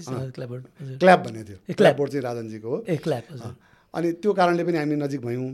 अनि पछि त करिश्माजीहरूको घर विनोदजीको घर गोदावरी। उहाँ आफ्नो होइन। उहाँहरूको लाजिमपाटमा पनि घर थियो। प्राय हामी लगभग नभेटेको दिन हुँदैन थियो। अनि उहाँहरू लाजिमपाटलाई पुरै घर भाडामा लगाएर उहाँहरू गोदावरी सर्ने हुनुभयो। गोदावरी सर्दाखेरि उहाँहरूको लागि म पनि उहीँ सरेँ। ए हजुर गोदावरी चार वर्ष बसेको छु ए।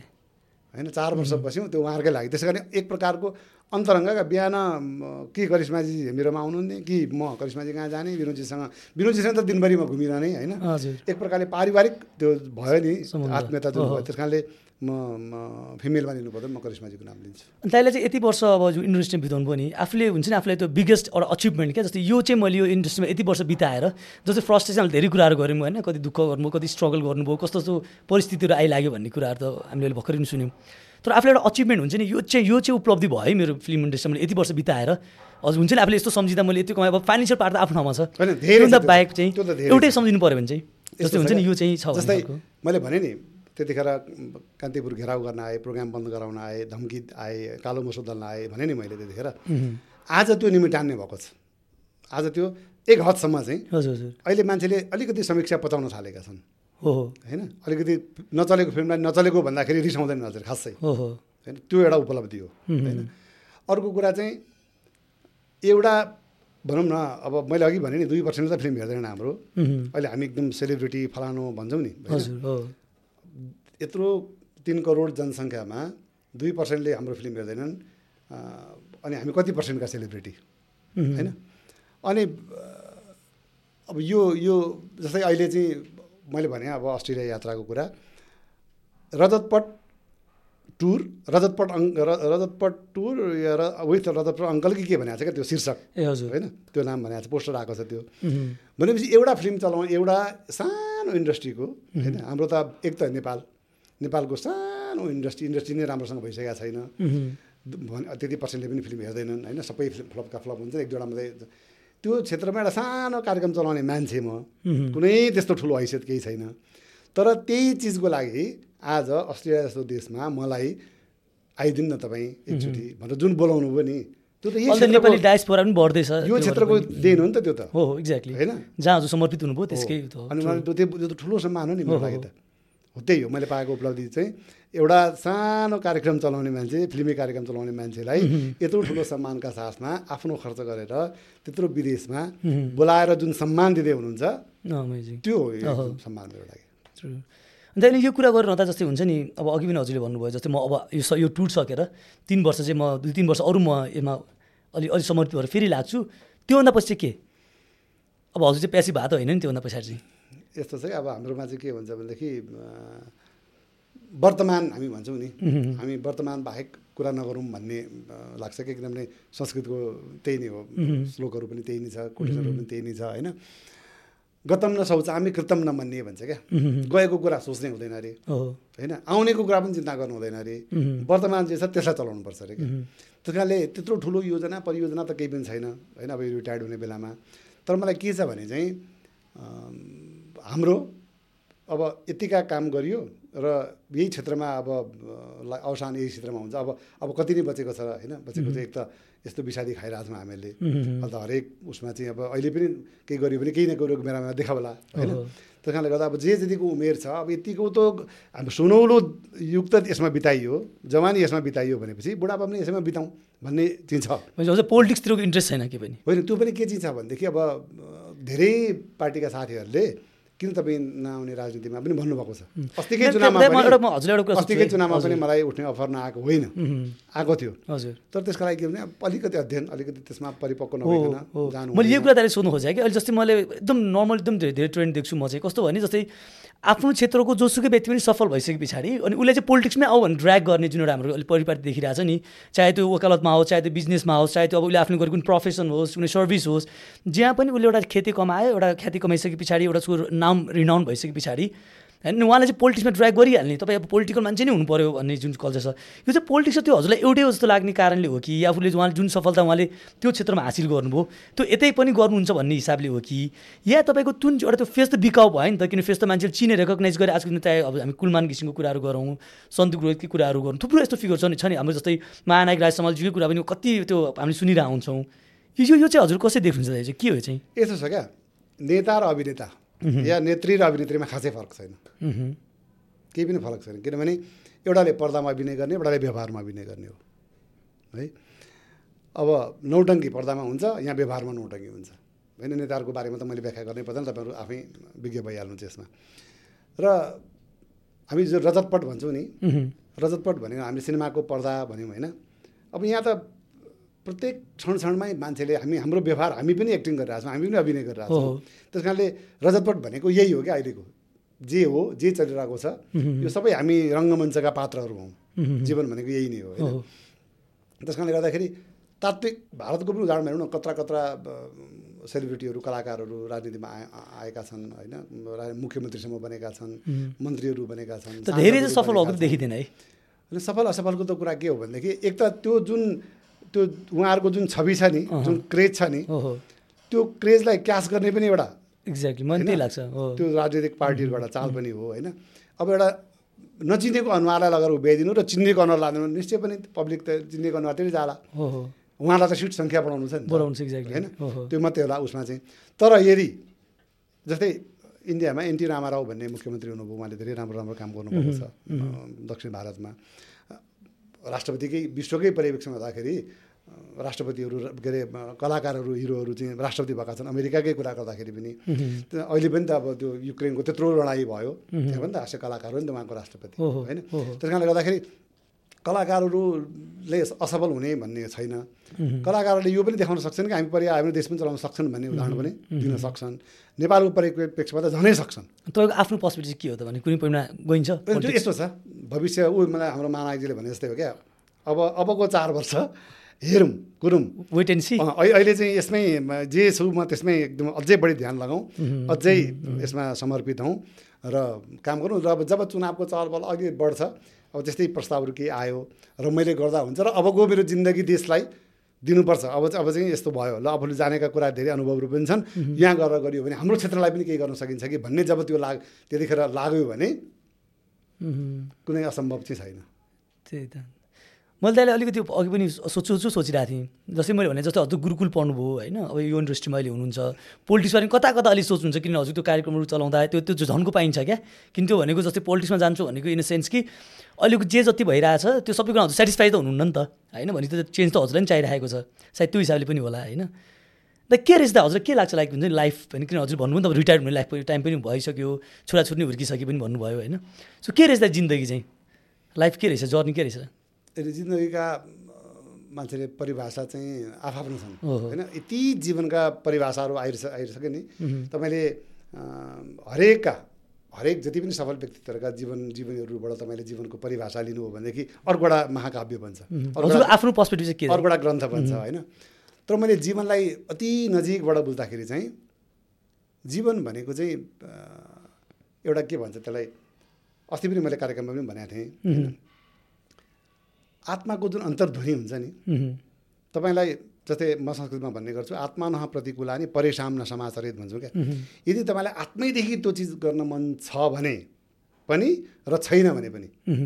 जे सर्वे सर्वा तपाईँ आफै आत्मा हो। र हाम हामी कुनै पनि कुरा जब गर्न अगाडि बढ्छौँ एकचोटि साथीभाइलाई सोध्छौँ कसलाई सोध्छौँ होइन। तर जब अन्तरात्माले तपाईँलाई जबसम्म जा भन्दैन नि तपाईँ अगाडि बढ्नुहुन्न। त्यस कारणले आत्मा र परमात्माको जुन चक्र छ नि। होइन त्यसमा रुमल्लिएको जुन एउटा पात्र हौँ हामी र जीवन त्यसैमा छ त्यो चक्रमा घुमिरहेको छ। कहिले हामी त्यसमा अभिनय गर्छौँ कहिले त्यसमा हामी आनन्दित हुन्छौँ। कहिले सुख हुन्छ कहिले दुःख हुन्छ। जीवनको यो यो यो फेजमा हजुर चाहिँ खुसी हुनुहुन्छ जीवनदेखि? ज्यादै खुसी छु। यो त मैले नपाउने जीवन पाएको छु। होइन? मेरो जुन प्रकारको योग्यता थियो मेरो एउटा थियो बाटो होइन? यो बाटोमा आएर। अहिले ज- जति दर्शकहरूले कार्यक्रम मेरो हेरिदिनुहुन्छ यसले सत्य कुरा भनेर जुन भनिदिनुहुन्छ कतिले ताली बजाउनुहुन्छ कतिले गाली गर्नुहुन्छ होइन। त्यो चाहिँ त्यो मेरो महत्त्वपूर्ण त्यो मैले पाउने कुरै होइन क्या त्यो। कहाँ भनेपछि भनौँ न जस्तै हजुरले आफ्नो एउटा आफ्नो कामको जुन प्रशंसा अथवा आफ्नो जुन एउटा सफलता एउटा पार्ट भयो त्योभन्दा बाहेक अरू के रहेछ त जीवन खुसी बनाउने भनौँ न? अरू अरू अरू कुनै टुलहरू भनौँ न एउटा त हजुरको भनिहाल्नु आफ्नो करियरको सफलता अथवा तपाईँले जे गरिरहनु भएको छ त्यो मान्छेले अप्रिसिएट गरिदिरहेछन् एउटा त्यो भयो अरू त्योभन्दा बाहेक त्यो दाइ त फेरि संस्कृत पढायो त्यहाँबाट गएर होइन हजुरको गुरुकुलमा पनि धेरै लामो समय अध्यापन गर्नुभयो अध्ययन गर्नुभयो। तपाईँसँग जे छ त्यसमा रमाउन सिक्नुहोस्। है अर्को विकल्प रहितको सङ्कल्प लिनुहोस्। हामी चाहिँ के गर्छौँ यो भएन भने त्यो त्यो भएन त्यो त्यो. भएन त्यो अप्सन लिन्छौँ। मलाई लाग्छ त्यो होइन तपाईँ विकल्प सोच्दै नसोच्नुहोस्। आज त्यतिखेर मैले ओहो मलाई त कालो मसो दल्न आएँ होइन? त्यतिखेर मलाई अब निकाल्न आए त्यस्तो मलाई चेतावनी दिए होइन? यो त एकदम टेन्सनको कुरा रहेछ। यो यो यो म छोड्नुपर्छ भनेर छोडेको भए आज तपाईँले मलाई यहाँ अन्तर्वार्तामा बोलाउनुहुन्थ्यो बोलाउनुहुन्थ्यो नि। हो। हो? त्यस कारणले गर्दाखेरि जिम्मा लागिरहनु भएको छ। विकल्प. रहितको सङ्कल्प लिएर तपाईँ अगाडि बढ्नुभयो र मनस्वी कार्यार्थी गणयती दुःखम न सुखम सुख र दुःखको तपाईँले प्रवाह गर्नु भएन गाली र तालीको तपाईँले त्यसमा कुनै मतलब गर्नु भएन दुवैलाई तपाईँले आशीर्वाद ठान्नुभयो भने जीवन सफल र जीवन भनेकै यही हो फेरि। अब दाइ म अब हामी अब अलमोस्ट एनएनतिर पनि आउनु थाल्यौँ होइन। मलाई चाहिँ यो यो चाहिँ मेरो खास प्लानमा पनि थिएन। All all of the sudden मलाई त्यो त्यो कुरा स्ट्राइक गर्यो होइन। अनि म हजुर सोधि पनि हाल्छु। होइन? जस्तै मलाई चाहिँ अब के चाहिँ एउटा हजुरकै त्यो भनौँ हजुरकै कपी भनौँ इट्स फाइन होइन? मलाई चाहिँ के भने म सर्टेन मान्छेको नाम लिन्छु होइन? छान्नु परेन। छान्नु परेन हजुरले चाहिँ एकदम छोटोमा मलाई उहाँलाई चाहिँ कुन कुन कसरी हजुर बुझ्नुहुन्छ कुन। रूपमा चिन्नुहुन्छ भनौँ न। होइन? पूजा शर्मा।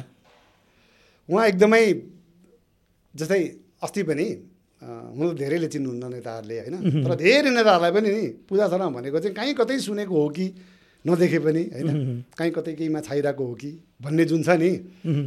र एक प्रकारले भन्दाखेरि चाहिँ उहाँ कुनै न कुनै रूपमा आफ्नो उपस्थिति दर्शाइन दर्शाइरहने नायिका क्या। कुनै न कुनै भन्नाले? मान्छे त हराउँछन् नि। होइन? तर उहाँले होइन चाहे त्यो पहिरनमा होस् चाहे त्यो। बोलीले होस्। चाहे त्यो अभिनयले होस् चाहे त्यो प्रोपगन्डाले होस् होइन? नहराउने। आफ्नो प्रेजेन्स चाहिँ। आइरहने।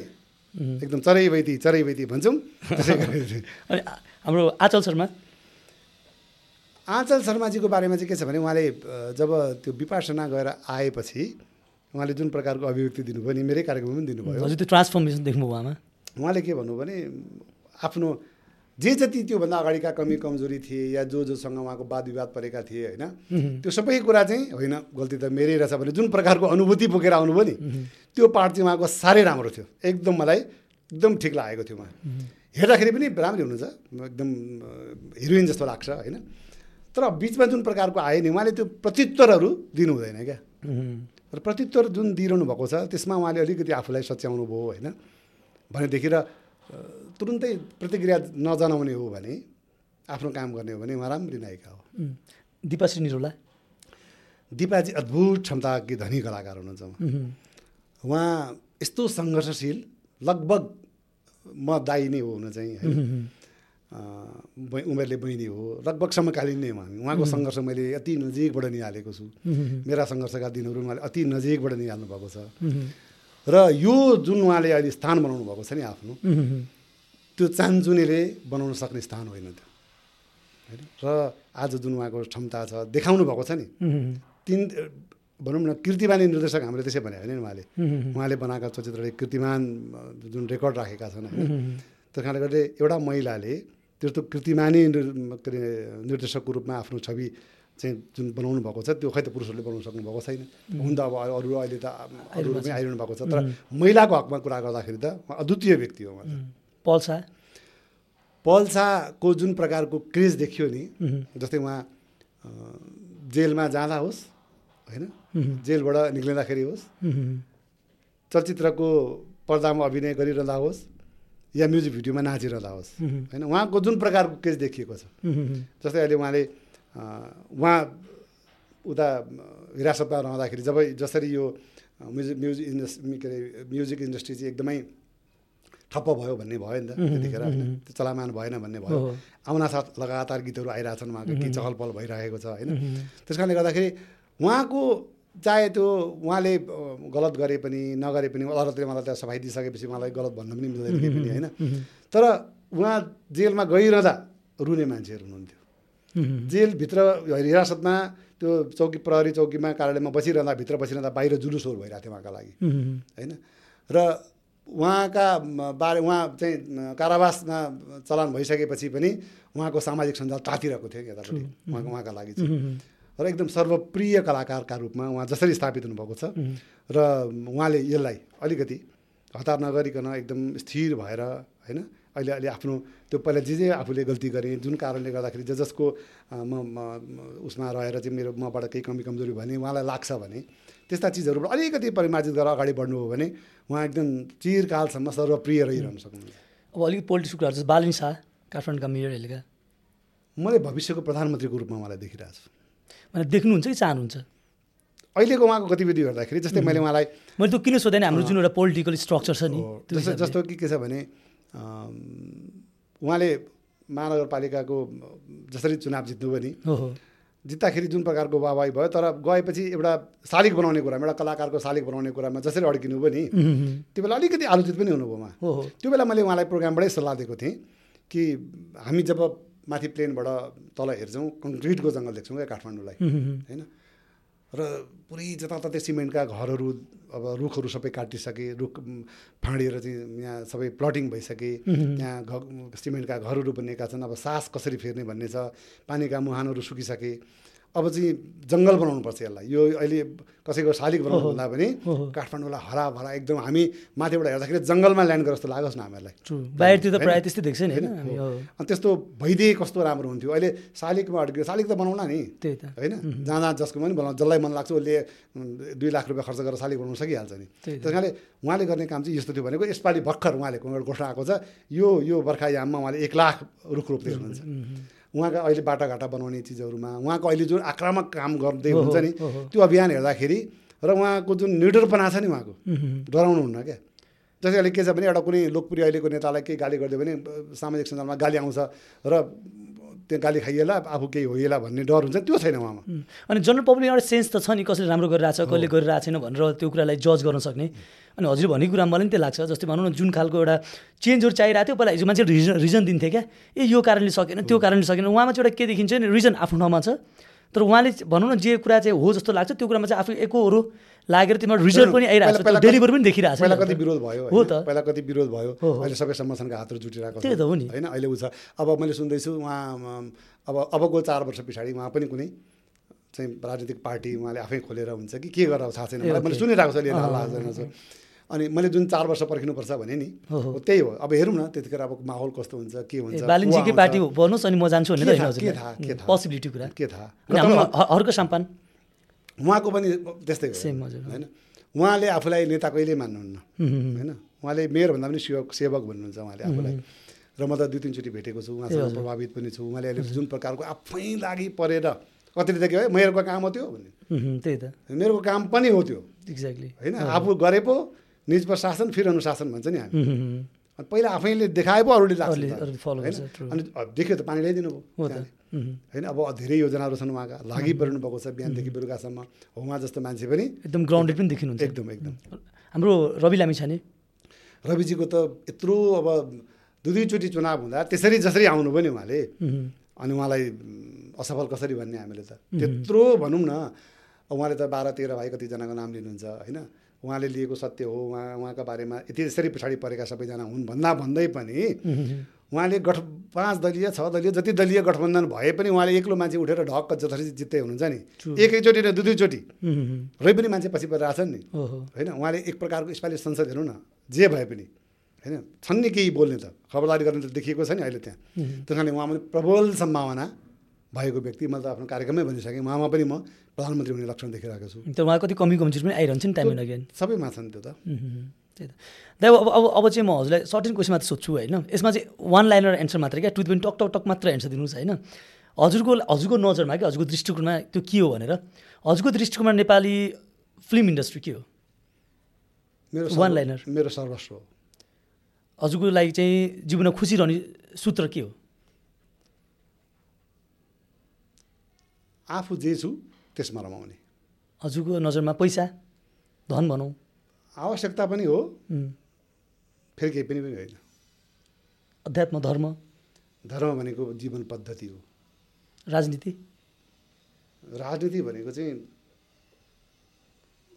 के भन्ने एउटा एउटा ठुलो गल्ती पनि हो मा। राजनीति चाहिँ होइन। झट्ट हेर्दाखेरि नि त्यो के भन्छ नि मोतीचुरकै लड्डुमा इन्डिया बसेको मान्छे हिन्दीकै आउँछ क्या मलाई प्रायः। हिन्दी र संस्कृत।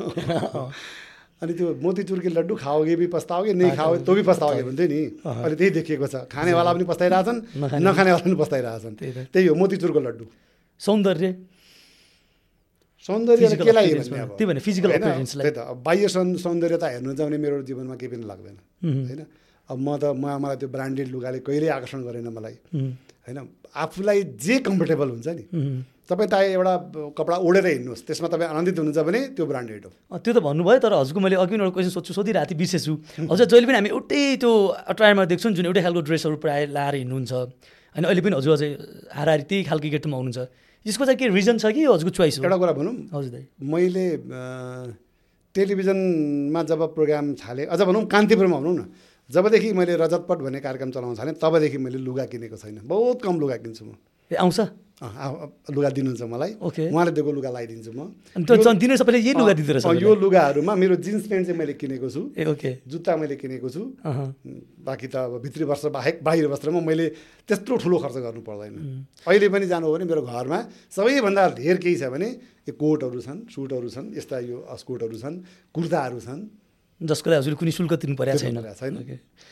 पपुल्यारिटी भने के रहेछ दाइ पपुल्यारिटी जुन हुन्छ नि हामी। यो भ्रम हो यो चाहिँ।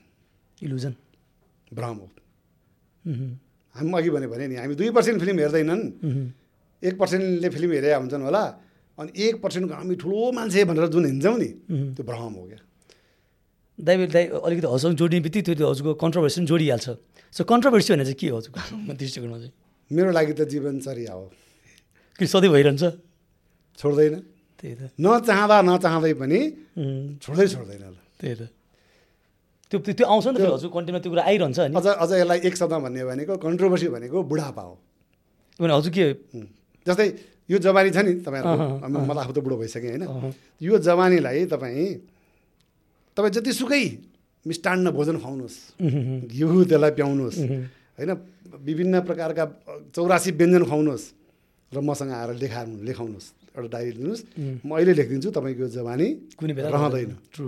जान्छ। तर यो मेरो जुन बुढापा छ नि. यसले मलाई मर्ने बेलासम्म साथ दिन्छ। ए अनि मलाई लास्ट हजुर कसै सोध्नु मन लाग्दै? म कसै बिर्सेछु? मलाई एउटा कुरा सोध्नु मन लागेको जुन चाहिँ हजुरले प्रायः प्रोग्राममा कहिले पनि छोड्नुहुन्न होइन? हजुरको आफ्नो नजरमा राजा कि राष्ट्रपति? अब यसमा चाहिँ मेरो पनि यो हो राजै आउनुपर्छ या राष्ट्रपति नै हुनुपर्छ भन्ने त्यस्तो अवधारणा चाहिँ छैन। ए हजुर। अहिले जुन प्रकारको देख्यौँ नि हामीले भोग्यौँ होइन? तुलनात्मक अध्ययन गर्दाखेरि। हजुर हजुर। किनभने राजाकाल देखेको मान्छे हो। होइन? राजा पनि दुई दुईवटा राजा देख्यौँ हामीले त। अझ बच्चामा त महेन्द्रको पनि शासन झेल्यौँ अब आफूलाई त्यति याद छैन होइन। किनभने बच्चै थियौँ त्यतिखेर उहाँको स्वर्गवास भयो। त्यस कारणले आफ्नो जीवनमा त तिनवटा राजा हो नि त मेरो जीवनमा। त्यो तुलनात्मक अध्ययन गर्दाखेरि चाहिँ मलाई त्यो बेलाको नेपाल र अहिलेको नेपाल हामी हेर्छौँ नि धेरै अन्तर लाग्छ क्या मलाई। यो मानेमा यो होइन कि अहिले ल्याउँ राजा राखिहालौँ स्थापित गराइहालौँ भन्ने मान्यता पनि होइन। तर जहाँ अब तुलनात्मक अध्ययन गर्छौँ त्यहाँ चाहिँ त्यो कालखण्डको मलाई धेरै म मिस गर्छु क्या। होइन त्यतिखेरको शान्ति सुरक्षा होइन त्यतिखेरको नेपालको एउटा जुन थियो नि होइन एउटा अभिभावकको रूपमा जुन जसरी जनताले। होइन त्यो लिएका थिए होइन। आज हेर्नु न एउटा राजा त फ्याल्यौँ हामीले ठिक छ ल। अहिले हेर्नु त राजाहरूको सङ्ख्या। अहिले कतिवटा दरबार एउटा त्यतिखेर नारायण हिल्डी दरबार थियो अहिले म्युजियम भयो होइन? अहिले तपाईँ दरबार त्यस्तो गर्नु त कतिवटा छ? त्यस कारणले राजा ठिक। एउटा राजा फ्यालेर आखिर हामीले ल्याउने राजै हो भने त किन फ्यालेको हामीले बरु एउटै राखौँ तर। यो होइन कि फेरि अहिले राजतन्त्रै स्थापना हुनुपर्छ फेरि पुरानै राजा ल्याइहाल्नुपर्छ गतिमा राखिहाल्नुपर्छ यो राजतन्त्रात्मक मुलुक बनाउनुपर्छ भन्ने होइन। मैले भने अघि पनि परिस्थिति जसरी जसरी त्यो मैले तिल तिन कालखण्डको भने नि होइन। त्यो त्यतिखेर मैले जे जे देखेँ जे जे भोगेँ जे जे हेरेँ र अहिले जे जे हेर्दैछु नि त्यो हेर्दाखेरि चाहिँ त्यही पो ठिक थियो कि। थ्याङ्क यू सो मच दाई। हस् धेरै धेरै धन्यवाद। कस्तो रमाइलो भयो।